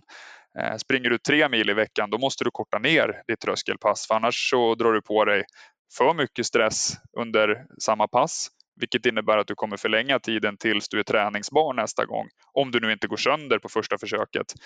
Eh, så det är jätteviktigt att hela tiden hålla koll på belastningsvanan och den utgår ju väldigt mycket från hur många mil du faktiskt springer. Jättebra Jeff. Jag går vidare. Jag har jättemycket ja. frågor. Ja. Vi kör några till tycker jag, för att ja, det var så spännande att lyssna till dig. Härligt. Eh, jag tänker, vi har ju snackat mycket nu puls kopplat till tröskel eller tröskelpuls och sådär. Jag tänker vissa mäter ju laktat, det kanske inte är så vanligt bland motionärer än, men eh, de här elitlöparna då som springer mycket tröskel, framförallt kanske de som kör dubbeltröskel som verkligen vill kolla så att de inte går över tröskel mäter ju ofta laktat. Och då verkar det som så att eh, laktat, att de får olika nivåer av laktat eh, vid olika pulsslag under olika tider på dygnet. Är det där någonting som du har märkt av också när ni har testat? Att de kanske upplever att pulsen är lägre vid samma laktat på förmiddagen jämfört med eftermiddagen? Mm. Och bör man typ korrigera något sånt om man inte då mäter laktat utan man eh, kör en morgontröskel? Och kolla puls? Jag, jag tänker att eh, det är ju jättemycket som, som påverkar laktatkoncentrationen om man gör så. Alltså gör du så många mätningar hela tiden så kommer du ganska snabbt se avvikelser så att säga. Jag håller med dig om att det kan vara så att du har olika laktatkoncentration på morgon och eftermiddag. Det finns förklaringar till det som har eh, med vakenhetsgrad och svåra ord och hormonrespons och grejer som jag absolut inte kan redogöra för i detalj. Eh, det ligger inte riktigt i mitt intresse heller för jag ser inte den stora vinningen i, i att förstår det praktiska tränarjobbet eh, just nu. Men, men jag håller med, det, det, är skillnad och då kanske det handlar mm. väldigt mycket om att koppla, ja men, är du så seriös att du kör dubbeltröskel eh, två pass två dagar i veckan morgon, eftermiddag, då kanske du får ha ett, ett morgonspann och ett eftermiddagsspann. Jag vet inte, jag, jag mm. har inte djupdykt i dubbeltröskel på det sättet, men jag kan tänka mig att det är så de som har gjort det väldigt länge resonerar, att man behöver ha olika eh, spann på morgon och eftermiddag. Annars blir det ju lite som att slå huvudet i väggen, tänker jag, att man försöker forcera fram ett värde som inte går kopplat till rätt känsla och puls och så vidare bara för att det är morgon. Eh, krävs nog en viss korrigering där. En annan fråga då på samma ämne egentligen, eh, det här med väder och så. Många på vårkanten eller på vintern som springer utomhus om det är nysopat och fint och säg 7 grader och vindstilla och så gör man sin, sitt tröskelpass, man går efter tröskeln och märker att man kan ligga flera slag under sin, eh, lägre än, än, sin uppmätta tröskel då. Och så blir man superglad. Ska man bli superglad då eller är det bara liksom temperaturen? För sen kanske man kör ett pass, samma pass när det är 22 grader och så ligger man lite över tröskeln. Ska man liksom gå efter puls då eller är det avkylningspulsslag så att säga som inte påverkar syreförbrukningen eller, eller hur funkar det där? Det finns väl vissa eh, indikationer på att värmeträning kan öka VO2 max och så vidare. Men, men det, det, blir ju från någon form av detaljnivå. Eh, och, och, man ska ha klart för sig att det är som du säger att puls, blodet kommer vara på olika ställen beroende på omgivningstemperatur. För att i, i kyla eh, hålla värmen och, och, i, i värme så går blodet ut mot huden för att kylas av och sen ha, menar, så alltså hålla en lägre eh, temperatur totalt sett. Då. Så att stirra blint, jag, jag, försöker alltid styra mina träningspass på pulsen. Eh, framförallt under grundträningen och, och sen under tävlingssäsong gå upp mera på väga in fart mer och mer.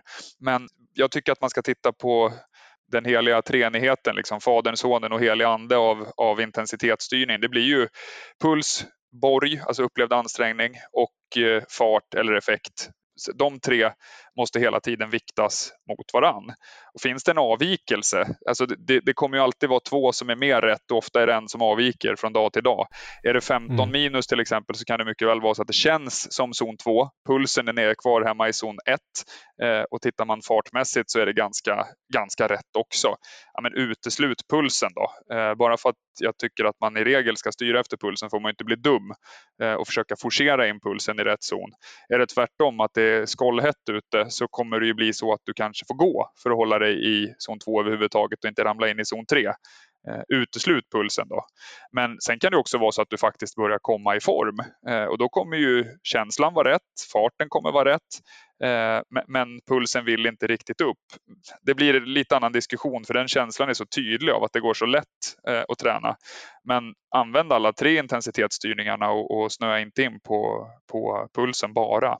Men då skulle du säga då om man kör ett um, tröskelpass när det är kanske 8 grader och uh, vindstilla och det känns jättebra men uh, pulsen är låg, trycker på mer det passet eller bör man hålla sig efter den farten man hade tänkt? Det beror på vilken tid på året det är då om man frågar tränare Jeff Frydenlund.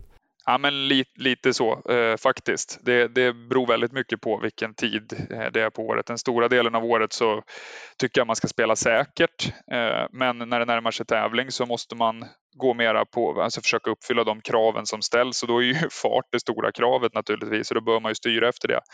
Eh, men, men eh, nej, det, jag, jag, tycker att en väldigt bortglömd parameter inom all träning idag med den data overload vi har är eh, borgskalan, RPE. Vad fan, mm. känns det som tröskel? Du har, gjort, du har börjat skaffa träningserfarenhet. Det känns som tröskel. Någonting avviker. Ja, men, våga lita på känslan det, det enskilda passet. Då. Jag är samtidigt allergisk mot uttrycket “jag fick feeling”. Ja, men vad betyder det då? Det lär ju inte betyda att du tyckte det var skönt att springa i zon 5, för det gör ingen. Utan det var nog snarare att den där feelingen handlade om att du fick hybris och tyckte att det var kul att se att det stod snabba tider på klockan. Trots att känslan på Borgskalan var 19 och borde varit 17 eh, och pulsen låg i zon 5 istället för zon 4. Så att ja, styr med känsla men får fan inte hy, blanda inte ihop feeling och hybris. Nej, det är bra. Men du nämnde där när man eh, känner sig väldigt bra, bra borg, bra fart, låg puls, och man känner att man är i form. Det är kanske den bästa känslan eh, som finns när man är löpare och vill prestera. Finns det ett annat lite jobbigare scenario när man har kanske okej okay fart, dålig känsla men låg puls? Men många kanske tänker då så här, ja ah, men eh, jag låg väldigt lågt, jag låg lågt under min tröskelpuls fast jag var i tröskelfart men det kändes som kanske 18 på borg istället. Kan det vara att man är övertränad då? Nej, det måste, det, det måste det inte vara. Alltså, du kan ju ha börjat få en infektion i kroppen. Det är ju rätt många den här våren, framförallt med omikronvarianten, som har, som har eh, tränat och känt sig jättebra. Men det har varit små avvikelser på det ena eller andra och som gjort ett hemtest och så har de varit infekterade. Liksom. Just det. det kan ju definitivt göra, leda till det du säger, att det, känslan sätts ur spel även om allt annat ser rätt ut och så vidare. Sömnbrist är en sån grej som, alltså det är ju, borgskalan är ju psykologi, den är kopplad till, till hur vi upplever ansträngningen. Har du sovit fyra timmar en natt, då kommer din upplevelse att förändras. Eh, så det kan ju vara till, definitivt vara tillfälligheter som sömnbrist, stress, man har ätit dåligt som gör att de här tre mätpunkterna förskjuts i förhållande till varandra. Men om det blir ihållande, att du efter fyra pass fortfarande känner att du är helt jävla off, då har du förmodligen tränat lite för mycket. Och det kan ju vara medvetet eller så kan det vara undermedvetet. Har du genomfört passen precis som det är föreskrivet och du har en bra dialog med din tränare och är på väg mot en tävling, då finns det ju en fas där du måste må lite halvkyvis och vara riktigt trött och sliten eh, en period.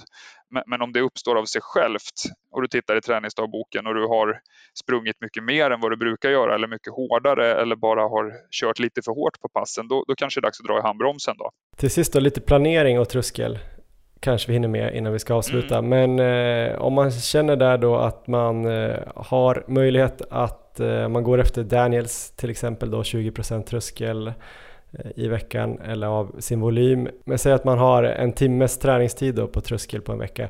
Är det stor skillnad att köra två 30 minuters pass tycker du eller istället för tre 20 minuters pass? Vad tänker du kring det? Jag tänker att det gör definitivt skillnad.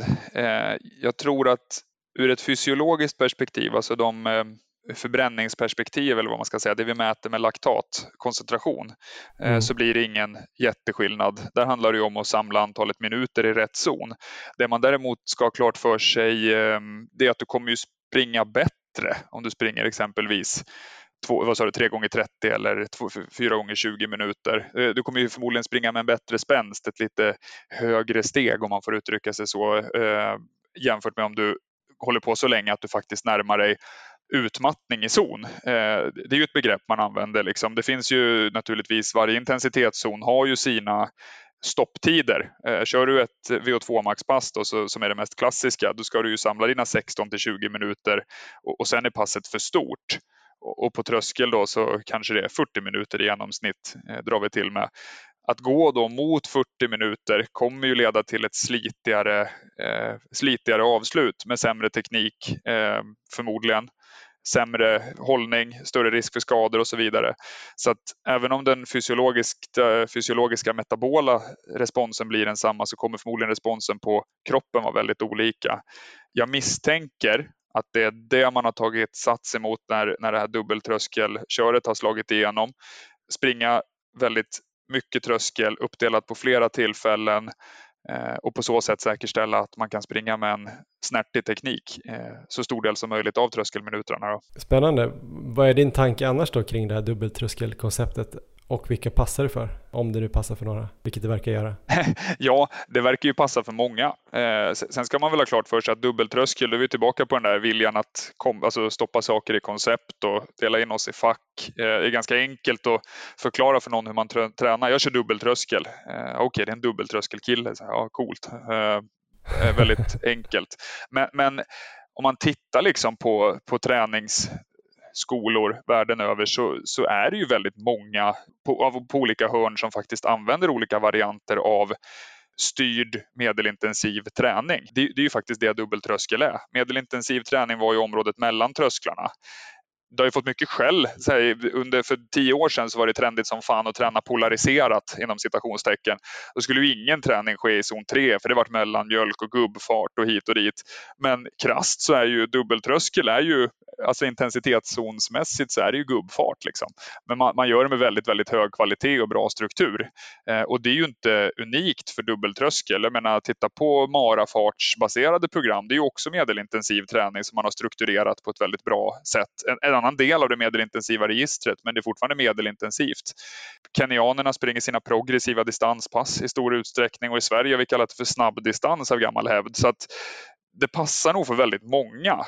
Men, men det kanske underlättar för väldigt många att, att dela in det i konceptets dubbeltröskel. Eh, för att det blir väldigt tydligt vad man håller på med och någonstans är ju en väldigt tydlig struktur viktigt för fortsatt utveckling. En annan grej då som kanske kan vara tydliggörande, typ block av tröskel i årsplaneringen. Är det något man bör satsa på? Du var inne på det lite i början av intervjun. Och när ska man lägga in det i sådana fall? Beror det på vilken distans man satsar på och så vidare? Jag tycker absolut att, att eh, block av tröskelträning ska vara med. Sen är det ju frågan hur man definierar sina block naturligtvis. Om man i en strikt blockperiodiseringsmodell, då ska du ju träna tröskel och sen ska du inte göra så jävla mycket annat för du ska träna så satans mycket tröskel att du ska inte orka med så mycket mer. Det är återhämtning som gäller. Sen går du vidare till nästa intensitetszon och så vidare. Jobbar du med en mer långsiktig linjär periodisering så bör du ju underhålla med fler egenskaper samtidigt. Då blir ju mängden tröskel i blocket mindre och, och, och, när de här kommer beror ju dels på när tävlingarna ligger naturligtvis, eh, vad man har för uppfattning om hur saker och ting ska göras. Man kan ju jobba tvärtom också med en, med en icke-linjär, eller eh, förlåt, omvänd periodiseringsmodell där du börjar med de högre intensitetszonerna och sen faller ner på tröskel närmare tävling. Om man då, väldigt enkelt, studier på periodisering eh, tenderar visa att linjär periodisering när du jobbar från tröskel upp mot högre intensitet och tvärtom från hög intensitet och ner ger goda resultat. Det som ger sämst resultat är att hela tiden bara eh, köra cherry picking och, och plocka eh, lite av varje, blanda hela tiden. Så att, eh, när blocken kommer, det är filosofiskt väldigt mycket och det är eh, planeringsmässigt utifrån, eh, utifrån tävling. Du var inne på en annan grej i början också, det här med att om man skulle träna tröskel i en annan då motionsform eller vad man ska kalla det, en löpning. Om man ändå behöver göra det för att man kanske har skadeproblem eller eh, att man vill få in ännu mer tröskel men man inte riktigt håller för mer tröskel. Finns det någonting man ska satsa på eller är det en dum tidsinvestering? Ja, och nej. Eh, jag tycker så här, man ska göra skillnad på alternativ och kompletterande träning överhuvudtaget. Då. Alternativ träning för mig, det genomför idrottare som är skadade och inte kan utföra sin, eh, sin grej, sitt rörelsemönster. Då. Eh, löpare är ju ofta skadade tyvärr. Den största trade-offen då, eh, anser jag, det är att fokusera på syreupptagningsförmågan i en annan gren, för den är ju den är ju överförbar. Höjer du ditt VO2 max på en cykel får du med dig ditt höga VO2 max in i löpning för hjärtat slår likadant oavsett hur du rör dig och lungorna häver sig likadant de också. Så du får ju faktiskt inte tröskeleffekt av att träna cykling när du är skadad utan foka då på din rehab, styrka och eh, maximal syreupptagningsförmåga i ett kompletterande perspektiv istället. Att du kanske har, låt säga att du har, du är inte skadad, men du kan för tillfället inte öka din volym för du har, då, då riskerar du att åka på en skada. Du har mer tid till ditt förfogande än vad din, eh, än vad din eh, kropp håller för just nu. Då pratar jag kompletterande träning, alltså tillägg till löpprogrammet. Och eftersom du inte är skadad så kan man ju förutsätta att de viktigaste egenskaperna, tröskel, VO2 max, uthållighet, tränas i löpning. Om man då väljer att lägga till cykling eller eh, skidgång i backe eller rullskidor eller you name it, saker för att öka totalbelastningen. Då skulle jag välja att lägga dem som eh, lågintensiv träning. Träna mer eh, och få, få en större belastning totalt sett men utan att slita på löpstrukturen. Och då sammanfattningsvis så tycker jag att oavsett vilket du väljer så hör inte tröskelträning in i någon av de två eh, världarna. För tröskelträningen är inte bara ett pulsspann och en laktatkoncentration utan den är starkt och direkt kopplad till rörelsemönstret också. Mm, klara besked. Till sist då, i en hypotetisk värld där två lika duktiga löpartvillingar skulle träna olika, en som tränar väldigt tröskelbaserat ett år och en väldigt polariserat. Vem skulle bli bäst på milen tror du? Ja, det, det, är ju, ehm, det beror ju lite på hur benen är uppstuckna i arslet på dem. Liksom. Vad kommer de svara på? Man kan ju utgå ifrån att de får, har ungefär samma träningsrespons. Och då är det ju den som eh, har dragit eh, längsta strået för just deras genpool som kommer bli bäst. Sen om det är polariserad träning eller tröskelträning, det, det återstår ju att se då. Och, och, och, med det svaret så tycker jag man täcker in hela befolkningen. Liksom. Det, det, du blir nog inte bäst genom att träna polariserad och du blir nog inte bäst genom att träna tröskel utan du blir bäst av att träna just det som du har störst träningsrespons på. Förmodligen är det en kombination av alla egenskaper med en tonvikt åt något håll för att du har någonting som gör att du behöver fokusera lite mer eh, på en sak än på en annan. Låt inte någon sälja på dig polariserad träning eller tröskelträning och, och att det är hela sanningen. För, för de som säljer på dig ett färdigt koncept, de har inte en aning om hur din genbank ser ut, hur din historik ser ut, hur just dina eh, scenstrukturer reagerar på det ena eller andra, utan våga testa och liksom ta hjälp av, av folk med öppna sinnen och, och variera under kontroll det kan ju vara så att du har tur och, och någon säljer på dig ett polariserat eh, träningssystem och det funkar just för dig. Men det är högst troligt att eh, ett färdigt koncept inte funkar lika bra som det hade gjort att vara lite mer open-minded och, och eh, testa olika. Grymt bra Jeff och det här med individanpassad träning har vi pratat om tidigare men det skulle man kunna prata om varenda avsnitt egentligen för det är otroligt spännande. Vi har inte tid till det nu så jag får tacka dig så himla mycket för att du ville vara med. Väldigt klargörande. Hur eh, får man tag på dig om man vill eh, göra tester eller eh, få en ny coach? Då går man in på www.activitus.se och sen så går man in på personal och så finns mina kontaktuppgifter där. Eller så mejlar man till info.activitus.se så får man, blir man guidad av, av min kollega där då, den vägen. Eller så mejlar man mig direkt på jeff.frydenlund.activitus.se. Mycket bra Jeff. Tusen tack för din tid. Jättekul att snacka med dig. Tack själv Johan. Vi hörs framöver. Yes, det där var alltså Jeff Frydenlund och vi tackar för hans tid. Eh, Erik Olofsson, mycket frågor. Eh, tyckte du att det var någonting som var värt att fråga om igen eller var det bara massa upprepningar? Eh, nej, massor, massor av intressanta saker eh, dök upp här. Jag tycker det är spännande just det här när man jämför då eh, tröskel, tröskelträningen löpning mot cykel. Och eh, får väl mm. gå in här återigen på eh, Nils van der Poels träning. Jag förstår ju att alla kanske inte har läst det här, ska vi kalla det för manifest som han la ut där på internet på howtoskate.se där han beskrev hela sin träning här de senaste åren in mot OS. Och han tränade ju oerhört mycket tröskel under en period, men det gjorde han ju bara på cykel. Och det fungerade ju uppenbarligen helt otroligt bra för honom eh, till OS här när han då skulle prestera på skridsko. Men skulle det här fungera på löpning? Det tycker jag är liksom en så intressant fråga. Och lyssnar man här på Jeff så tycker jag att man får lite både och.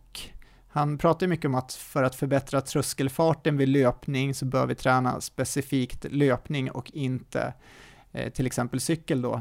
Men säg då att målet är att prestera på en annan ansträngning än tröskel, alltså snabbare farter, då kanske ändå det här Nils van der Poel-upplägget eh, kan vara väldigt intressant. Jag funderar ju liksom på hur, hur man egentligen ska göra med den här tröskelträningen, dels med periodiseringen, om man ska ha en period där man trycker in väldigt, väldigt mycket tröskel och om det då är möjligt att eh, göra det på cykel istället för löpning. Det är ungefär där mina tankar går just nu.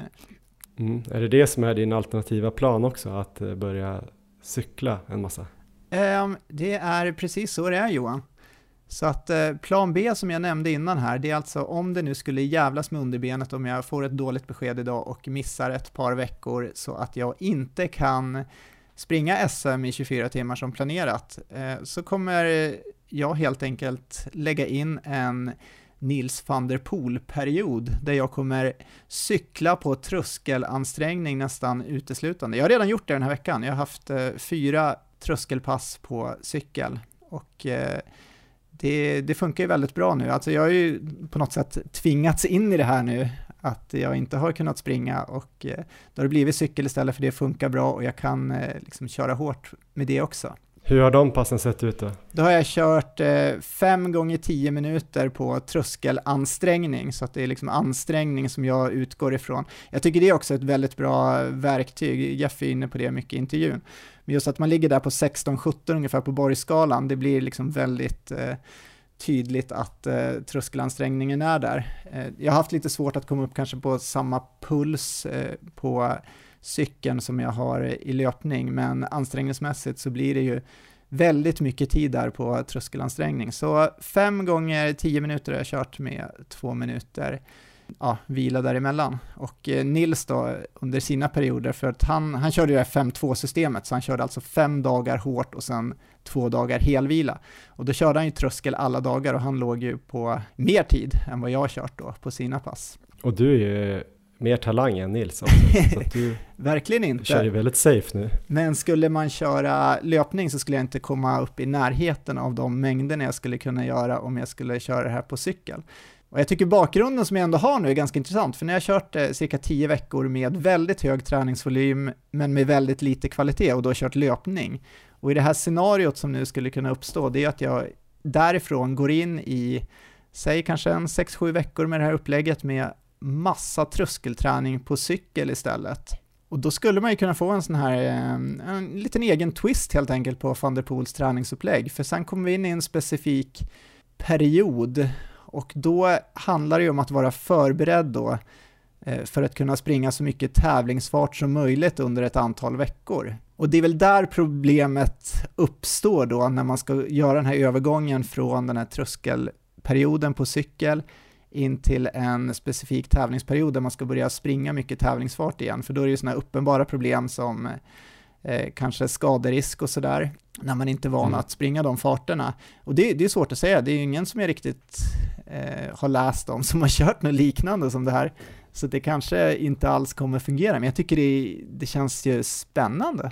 Det är ändå så här, ja, det skulle, skulle kunna kanske ge jättebra effekt. Det är väl kanske så att överförbarheten från cykling till skridsko är, eh, utan att vara någon expert, kanske mer tydlig eller man får med sig mer där än till löpning plus att skridsko är så pass mycket mindre eller inga stötar jämfört med löpning. Så det är väl kanske ett svårare pussel att lägga för en löpare. Men eh, vore kul om du provar det. Det låter ju nästan som att du är lite sugen på att göra det så får nästan hoppas att den där eh, umma underbenet eh, fortsätter umma här i eftermiddag. Ja, men jag kan säga det att eh, skulle det vara så och det blir några, jag, alltså har jag ont idag då kommer jag ju fortsätta cykla massa tröskel.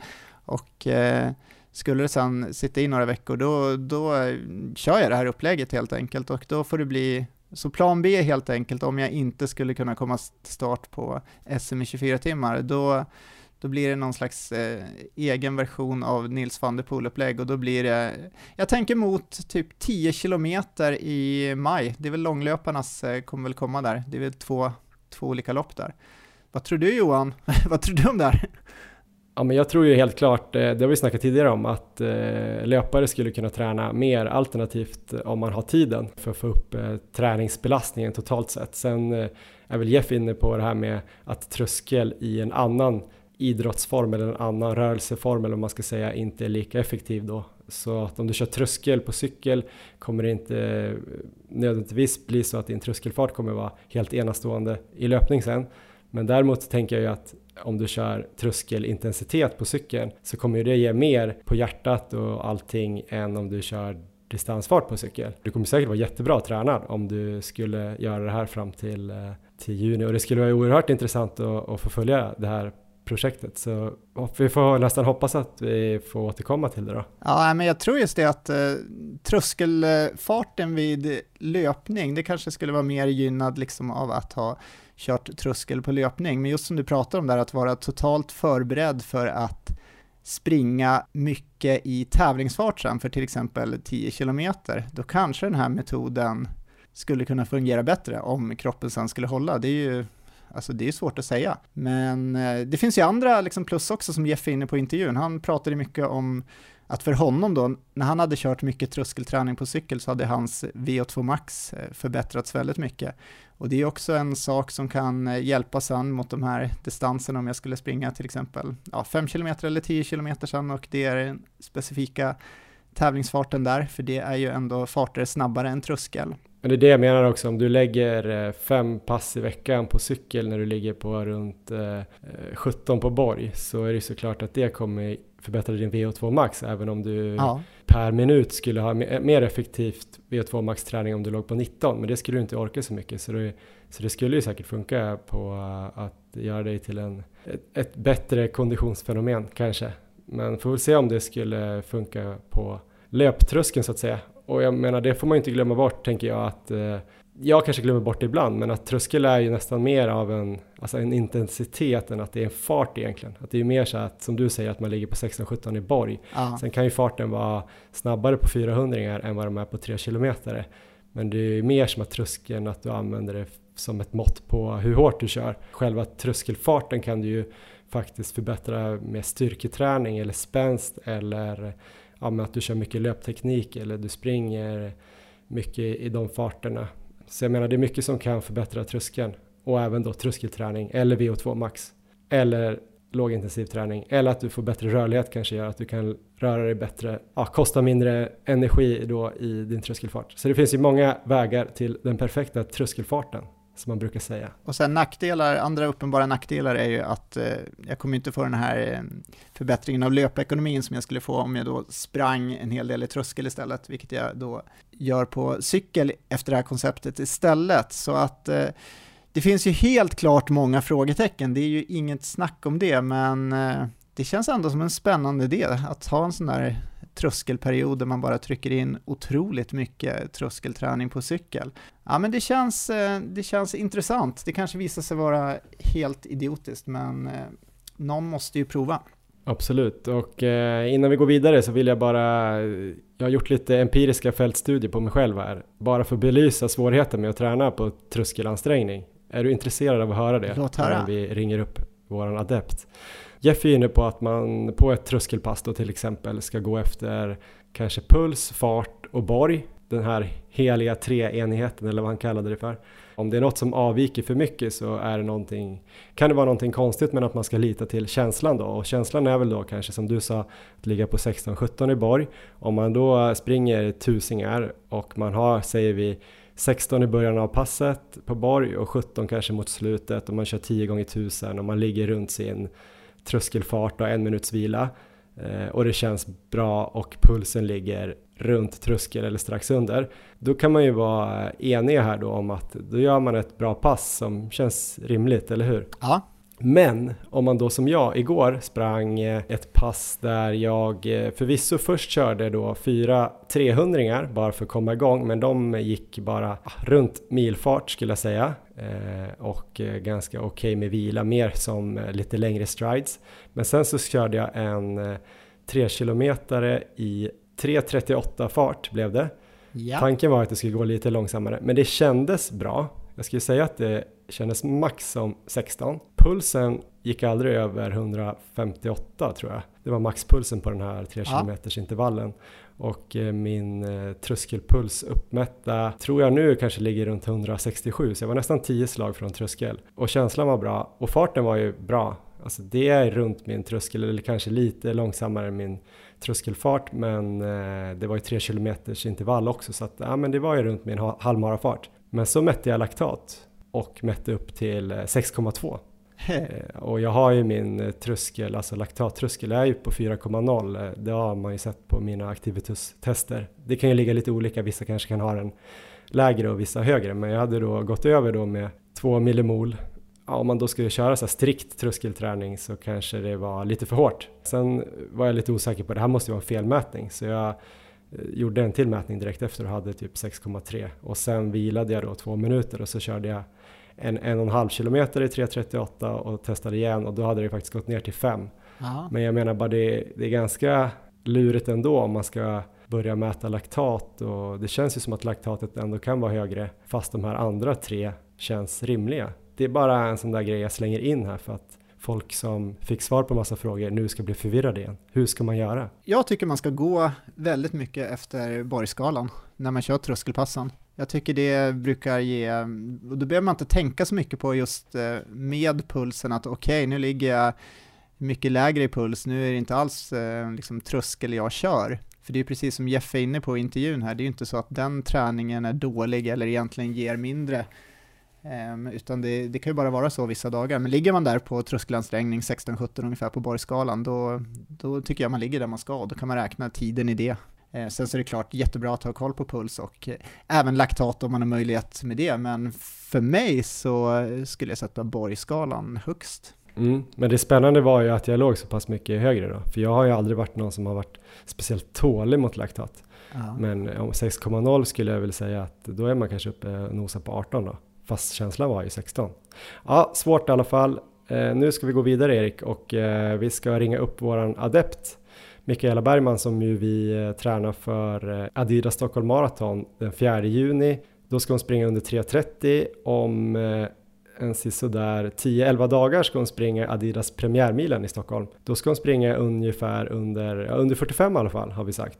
Kanske under 44, vad tror du? Um, ja, men jag tror det kan bli under 44 det finns goda möjligheter. Ja, det loppet går i alla fall 26 eh, mars i Stockholm och vi ringer upp och kollar hur formen är. Ja men vad roligt, nu är vi alla tre samlade. Mikaela, välkommen till dagens avsnitt av Maratonlabbet. Hur är läget? Tack, tack, det är bra. Hur mår ni? Bara bra här. Det mår bra. Vi har, ja men precis, vi har snackat om det. I, du får höra i avsnittet sen. Men nu är vi mest intresserade av hur du har upplevt eh, träningen de här senaste två veckorna. Du fick ju en vecka av mig som skulle vara lite lugnare och sen fick du mm. en eh, vecka av Erik som då var din, eh, det var den högsta träningsvolymen som du någonsin haft på en vecka i alla fall. Löpvolymen. Ja. Eh, hur har det känts? Det, det är väl första gången jag kan säga att det har känts lite upp och ner. Mm. Eh, lite blandat. Eh, så första veckan då hade jag väl några motgångar då jag hade några pass som kändes lite tuffare. Eh, men sen så försvann det lite. Så andra veckan kändes bättre, trots att det var lite längre. När du säger att du hade några motgångar, några pass, eh, på vilken nivå var det då? Nej men ehm, det var ju onsdagens, då var det ett eh, lugnt distanspass. Men det kändes som ett hårt pass för mig.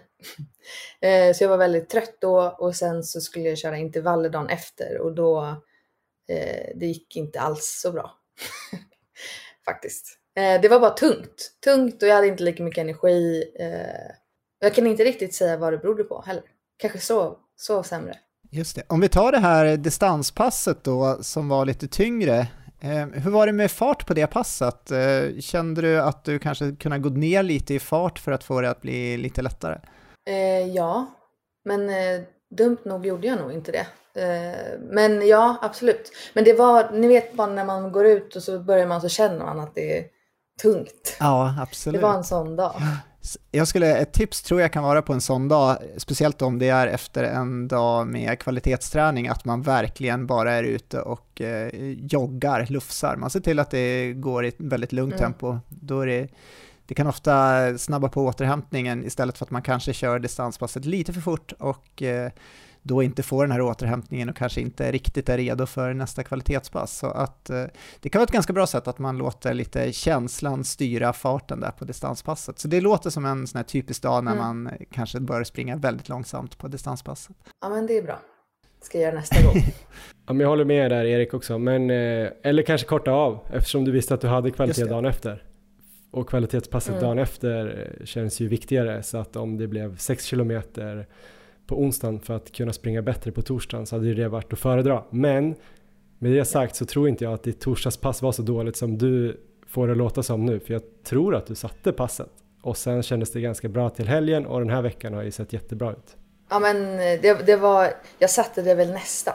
Ja. Eh, jag var lite långsammare än vad ni sa att jag skulle vara. Och det är ju helt okej okay att vara ibland på passen om man har kanske en lite tyngre dag, att man eh, ja, sänker farterna lite än vad vi har skrivit. Det, det ser jag inte som något problem alls, utan eh, är det en sån dag så, så är det helt rätt väg att gå. Om vi då tar den här eh, senaste veckan nu när du fick springa med lite högre volym, kanske fler gånger än vad du har gjort eh, tidigare och så, hur har, ja, ska vi börja med helhetskänslan, hur har det, hur har det varit? Jag tycker att det har känts bra. Jag har faktiskt inte känt av det i kroppen som jag trodde. Jag trodde att jag skulle bli alltså, mer sliten.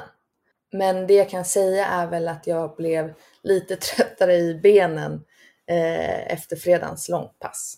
Eh, då kände jag av det liksom efter. Men upp till det så var det ändå lugnt. Ja, och eh, kvalitetspassen har ju gått eh, strålande. Du har genomfört dem eh, jättebra och med bra skattning på borgskalan skulle jag säga. Så att det ser ut som att du prickar helt rätt där. Sen så har ju jag en sak här som jag skulle vilja ta upp. Kan du gissa vad? Ska jag gissa ja. vad?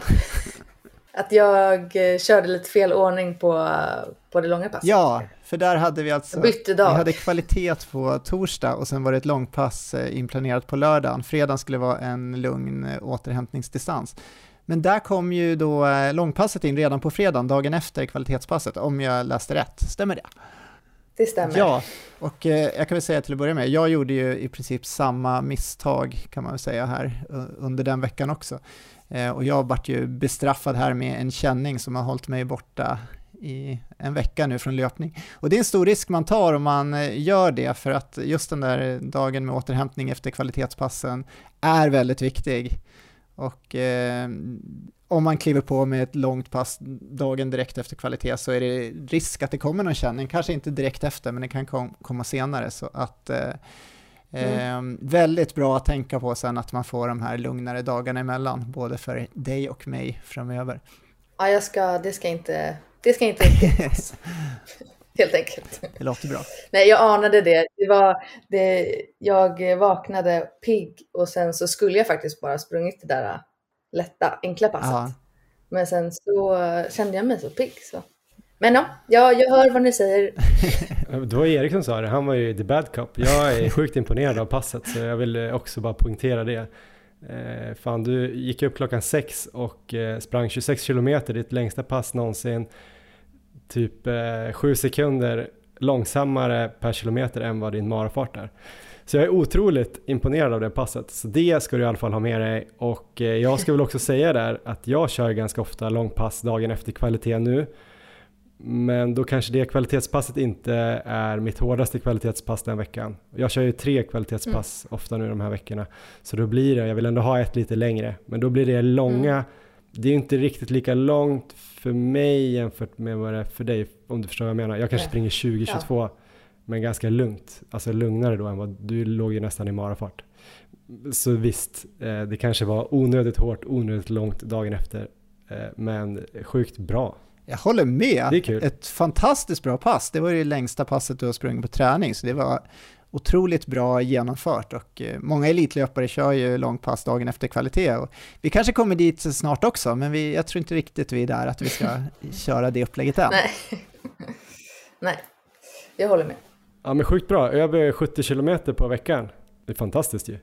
Ja men något sånt. Jag tror kanske till och med 75 och ganska fräsch känsla. Det är ju helt fantastiskt att höra. Jag tänker vi ska blicka framåt lite grann också. Två veckor som kommer ja. nu. Mycket spännande veckor tycker jag. Alla veckor är ju spännande. Men eh, det är då Adidas premiärmilen 26 mars som ju du ska mm. springa. Så det är ju nästa lördag. Eh, det är väl kanske 11 dagar när vi släpper det här. Eh, och då tänkte vi att den här första veckan ska du få springa, det blir en ganska vanlig vecka. Kanske lite mindre då än 70 kilometer, kanske till och med strax under 60. Jag tänker mig någonstans mm. 80-90% av en vanlig vecka. Nu är dina vanliga veckor, de har ju bara hållit på då 4-5 veckor, men du har ju snittat ja. strax över 60 i alla fall. Um, så jag tänker att uh, någonstans runt 55-60 ändå kommer funka. Du kommer ändå, jag antar att Erik kommer lägga lite nedtrappning nästa vecka, så då kommer det nog vara fräscht till loppet. Sen är ju, tror jag både jag och Erik tycker att uh, det är ju Stockholm Marathon som är det absolut viktigaste i hela våren. Så att eh, vi får ja. se hur fräscht det kommer vara på premiärmilen. Men med det ja. sagt så den här veckan så tänker jag att eh, jag kanske inte behöver gå igenom varenda pass här. Vi kommer lägga upp det på Instagram. Vi misslyckades ju med det för två veckor sedan och be om ursäkt för alla som ville se det där. Men jag lovar att göra det. Antingen kommer det ligga uppe redan nu när ni hör det här avsnittet, om ni kollar på gårdagens bild på Instagram, eller så kommer det komma imorgon. Men det viktigaste passet den här veckan, det tänker jag kommer komma på torsdag. Då kommer det vara mm. lite av ett genrepspass för eh, premiärmilen. Eh, och då kommer du få springa 5 gånger 2 kilometer. Mm. Och där tänker jag att vi ska sikta på att springa runt eh, din 10 kilometers fart som vi tror då är någonstans mellan 4.20 och 4.30 tror jag. Eh, och jag tänker att de här 5 gånger 2 du kanske kan börja i 4.30 den första intervallen. Ja. Och eh, sen jobba dig neråt om det är möjligt. Om det inte är möjligt att jobba sig neråt så tycker jag att du får ligga kvar runt 4.30. Och eh, det här passet tror jag att du kommer känna att det kommer bli absolut, eh, kanske börja 16 på bar, kommer kanske komma upp i 17 och jag skulle väl ändå säga att det här får gå upp till 18 på bar. Eh, men inte okay. hårdare än så, du behöver liksom inte slita igenom det som ett stenhård tävling bara för att klara passet. Det är inte viktigt, utan det är viktigt Nej. att du får en genomkörare och testa på farterna. Och jag vill ha 200 meter joggvila så att det blir kontinuerlig löpning. Och här tycker jag ju att om du har någon eh, kompis eller flera kompisar så kör gärna det här passet ihop så blir det lite lättare. Men viktigt då, inte få sån här feeling eller hybris som vår intervjuperson i det här avsnittet pratade om. Och eh, du ska spöa alla dina kompisar och eh, avsluta på 19.20. Det är inte heller meningen. Men det kan vara skönt med lite draghjälp på det här passet tror jag. Och att du ja. satsar lite inför det. Att du tänker det lite som en mini-tävling ändå med, med förberedelser. För det kan du ju sen kopiera då till loppet tänker jag. Att du käkar någonting eh, kolhydratrikt dagen innan. Alltså det behöver inte vara att mm. du kör fem kilo pasta eller så. Men bara tänka lite Nej. på vad du käkar dagen innan och sover bra inför det här passet. Sen kommer jag lägga ett lite lättare kvalitetspass. Eh, det kommer komma imorgon tisdag och så mm. kommer du få springa distanspass idag och sen kommer det komma lite lättstyrka på fredag. Långpasset kommer komma på söndag. Jag hoppas att det eh, kommer funka sen. Men det kommer inte vara lika långt heller för jag vill att eh, vi ska skapa lite fräschör i din kropp här inför det här loppet ändå. Det är ändå kul med ja. Ett bra svar nästa lördag. Erik, hur ser tävlingsveckan ut? Ja, tävlingsveckan ser ut enligt följande. Till att börja med så plockar vi bort eh, styrketräningen den veckan så att eh, få till benen lite mm. extra fräscha. Eh, sen kommer det bara vara ett kvalitetspass. Loppet går alltså på lördagen. Ditt sista kvalitetspass kommer vara på tisdagen. Och det kommer då vara okay. 3 km uppvärmning följt av 5 gånger 1 km i 4.20 fart. Sen har jag lagt en lite snällare joggvila än vad Johan hade veckan innan, så här blir det 250 meter i ungefär 5.45. Och sen ska du få avsluta med 5 gånger 200 meter, så det är i lite snabbare fart. Då har jag satt eh, 4.00, det kan jag bolla här med dig Johan. Vad tror du för eh, strides där på 200 meter? Kan 4.00 vara en eh, lämplig fart?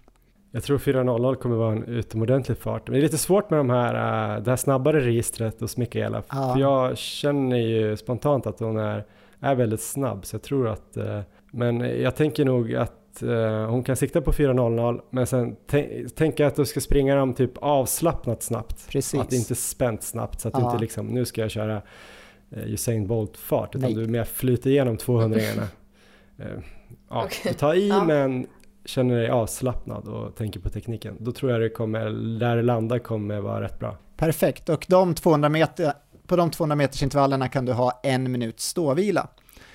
Okay. Och avsluta mm. det med 500 meter nedjogg. Så det är kvalitetspasset kommer vara, sen så kommer det vara kortdistans måndag, vilodag onsdag och eh, eh, distanspass torsdag, fredag. Men eh, totalt för veckan kommer det bli ungefär 45 km löpning inklusive premiärmilen, så det kommer ju vara en, eh, en lugnare vecka, så vi hoppas att det kommer vara fräscha ben där till, eh, till loppet. Ja. Och det här, ja, om man tar den här sista veckan, jag har gått tillbaka till Maratonlabbet avsnitt 11 och lyssnat där på intervjun med Kent Claesson från Spårvägen som vi hade med väldigt duktig tränare och han eh, berättar mycket där om hur man ska göra på bästa sätt för att persa på 10 km. Så ska man springa premiärmilen kan vi också mm. rekommendera det avsnittet, nummer 11 av Maratonlabbet med Kent Claesson. Hur känner du inför eh, premiärmilen, Mikaela? Det är ditt första millopp, eh, antar jag? Ja, jättenervös faktiskt. Det ska bli kul. Och nu blev jag också så att det ska bli kul då på torsdag att se hur det passet går. För det är ändå den farten som jag tänker att jag förhoppningsvis ska klara av. Ja, men det ska bli kul. Men eh, nervöst, absolut. Men jag kan ju säga det igen då, det passet är ju inte tävlingen. Så om det går dåligt Nej. så behöver inte det säga att tävlingen kommer dåligt. Och går det bra där, då kommer du sig, då ska du i alla fall tolka det som att det kommer gå bra på tävlingen. Man ska alltid vara positiv. Ja. Men, eh, ja. så, men det blir spännande att se. Ja, men förhoppningsvis så får man väl lite extra pepp när det väl är tävling. Absolut. Och så får vi väl se om du får någon harhjälp eller om du får göra det själv. Eh, vi har pratat om att Erik eventuellt ska kunna komma in till Stockholm Hara. Vi får se lite hur det är med hans ben och hur det blir ja. med hans träningsprogram. Ja. Eventuellt ska han ju bara cykla då närmaste två, tre månaderna i tröskelansträngning. Men det får du höra mer av i dagens avsnitt, för du har inte hört det än. Ah, okay. Men eh, annars kanske vi kan hitta någon annan hare som vill eh, dra dig under 45 åtminstone, kanske under 44, kanske snabbare, vem vet? Vad tror du själv? Oj. Ja men jag, jag vågar inte vara, vara kaxigare än att säga 45. För det känns ändå som att, eh, ja, men jag säger 45. Och så allt annat är antingen en besvikelse eller en, en glad överraskning.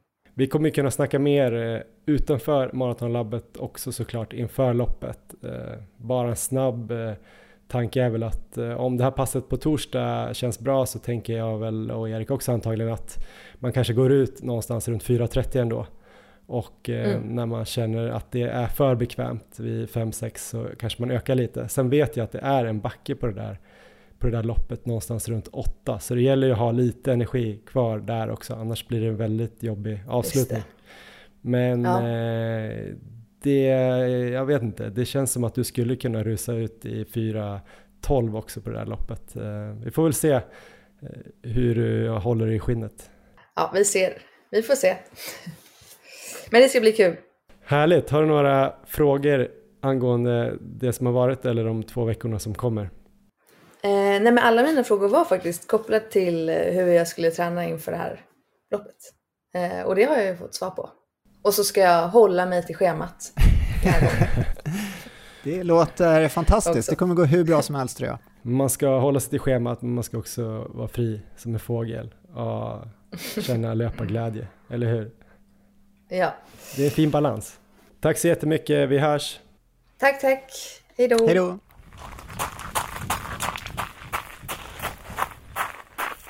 Ja men vad kul att det går så bra för Mikaela Big Mike Bergman Erik. Eh, hade du anat att det skulle gå så här lätt för henne? Det känns som att det går lätt för henne. Ja, nu ska vi inte jinxa någonting här, men, eh, men det, det, ser ju otroligt bra ut och hon verkar ju fortfarande glad och motiverad och det är ju väldigt viktigt här eh, nu när vi har gått upp i volym och det har börjat komma in ganska tuffa kvalitetspass. Så att det är väl det som blir nyckeln här att hålla uppe en hög motivation för hon, hon gör det otroligt bra. Superroligt. Ja, men det är nog det som var mitt, min största oro inför det här lilla projektet också, att man på något sätt skulle kväva någon inneboende löparglädje med att göra en massa program och sätta upp regler och riktlinjer och hur man ska springa och lägga upp passen och man måste vila mellan och sådär. Att allt blir så här viktigt hela tiden och ja. att man kanske gör ett dåligt pass och blir knäckt hela veckan och sen känner man sig bara styrd och så. Men det verkar inte ha hänt än. Vissa tycker ju bara att löpningen blir ännu roligare, man får lite struktur också så här, och se framstegen såklart. Så vi får hoppas att det är det som händer. Precis. Men eh, om någon fler blev sugen på att springa premiärmilen då så kan vi väl upprepa att man kan anmäla sig då på stockholmmaraton.se premiärmilen. Den anmälningssidan är öppen fram till cirka en timme innan starten som ju går då på lördag den 26 mars. Nu borde jag ju haft starttiden i huvudet men jag tror att det är på förmiddagen där. Men ni kan gå in och kolla. Koden APM20, alltså Adidas premiärmilen 20 APM i stora bokstäver ger 20% rabatt på den här äh, startavgiften. Eh, jättekul att springa lopp, tänker jag. Jag är rätt sugen. Det för mig då till att äh, jag har hittat lite lopp här på Mallorca, Erik. Spännande. Vad ska jag springa egentligen? Jag har hittat eh, flera sådana här eh, kombinerade halvmara och millopp Eh, jag har redan bestämt att jag ska springa två av dem, jag vet inte vilka distanser jag ska springa. Det ena kommer 10 april och det andra 23 april, så det är två veckor emellan. Jag funderar på att springa båda 10 km faktiskt. Vad tror du om det? Eh, det håller jag med om att du ska göra. Jag tycker, kör på 10 km nu och sen så sparar vi halvmaran eh, någon månad till där.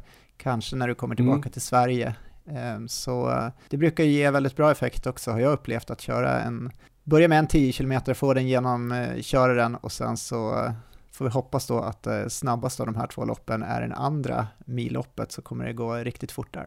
Mm, jag har ingen riktig koll på karaktären på banorna och sådär, om det blir liksom Eh, hårda PB-försök eller om det blir mer som riktigt bra kvalitetspass, eh, långa tempon i, i, i eh, någon sorts hög fart. Vi får väl se, men då kör jag milloppen i alla fall. Mitt, ett av mina huvudmål i vår kommer ju antagligen bli Göteborgsvarvet. Det kommer ju den 21 maj tror jag. Så att då kanske det är perfekt att köra några millopp här i april. Det går faktiskt ett millopp redan nu på söndag i Palma som jag också funderar på att springa. Så vi får väl se. Jag hittade ett trail-lopp också på 34 km med bara 2000 höjdmeter. Ska jag köra det också? Nej, det ska du inte köra. Slutet av mars. Det får du vänta med till kanske i slutet av sommaren eller någonting. Nu har det gått så bra, du har så bra kontinuitet, du gör så bra pass. Och inga, inga trail-lopp. Du kan få ge dig upp i bergen inga om du behöver och eh, springa lite distans eller något långpass i lugnt tempo. Men jag lägger in mitt veto där på eh, alla trail-tävlingar nu kommande veckor. Vill du veta hur nära det var att jag sprang eh, igår ett trail-up på 43 kilometer med 2000 höjdmeter? Nej, det vill jag inte. Nej, jag förstod det. Jag hittade ett eh, som såg riktigt kul ut och det fanns 23 kilometer och 43 kilometer men 23an var full annars hade jag garanterat spring, sprungit 23an eh, med 1000 höjdmeter.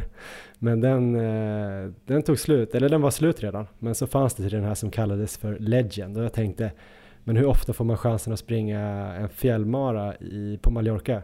Inte så ofta tänkte jag, men sen så höll jag mig i skinnet för jag kommer ihåg ändå fortfarande att jag var rätt sliten efter Bydalen 50. Det kändes som att jag, det tog nästan 6-7 veckor innan jag kom tillbaka. Och som du säger, jag har haft en bra kontinuitet och allt går bra. Så det känns trist att bryta hela mitt träningsupplägg för att ha kul en dag. Även om det låter tråkigt att tänka så. Din tid i bergen kommer Johan.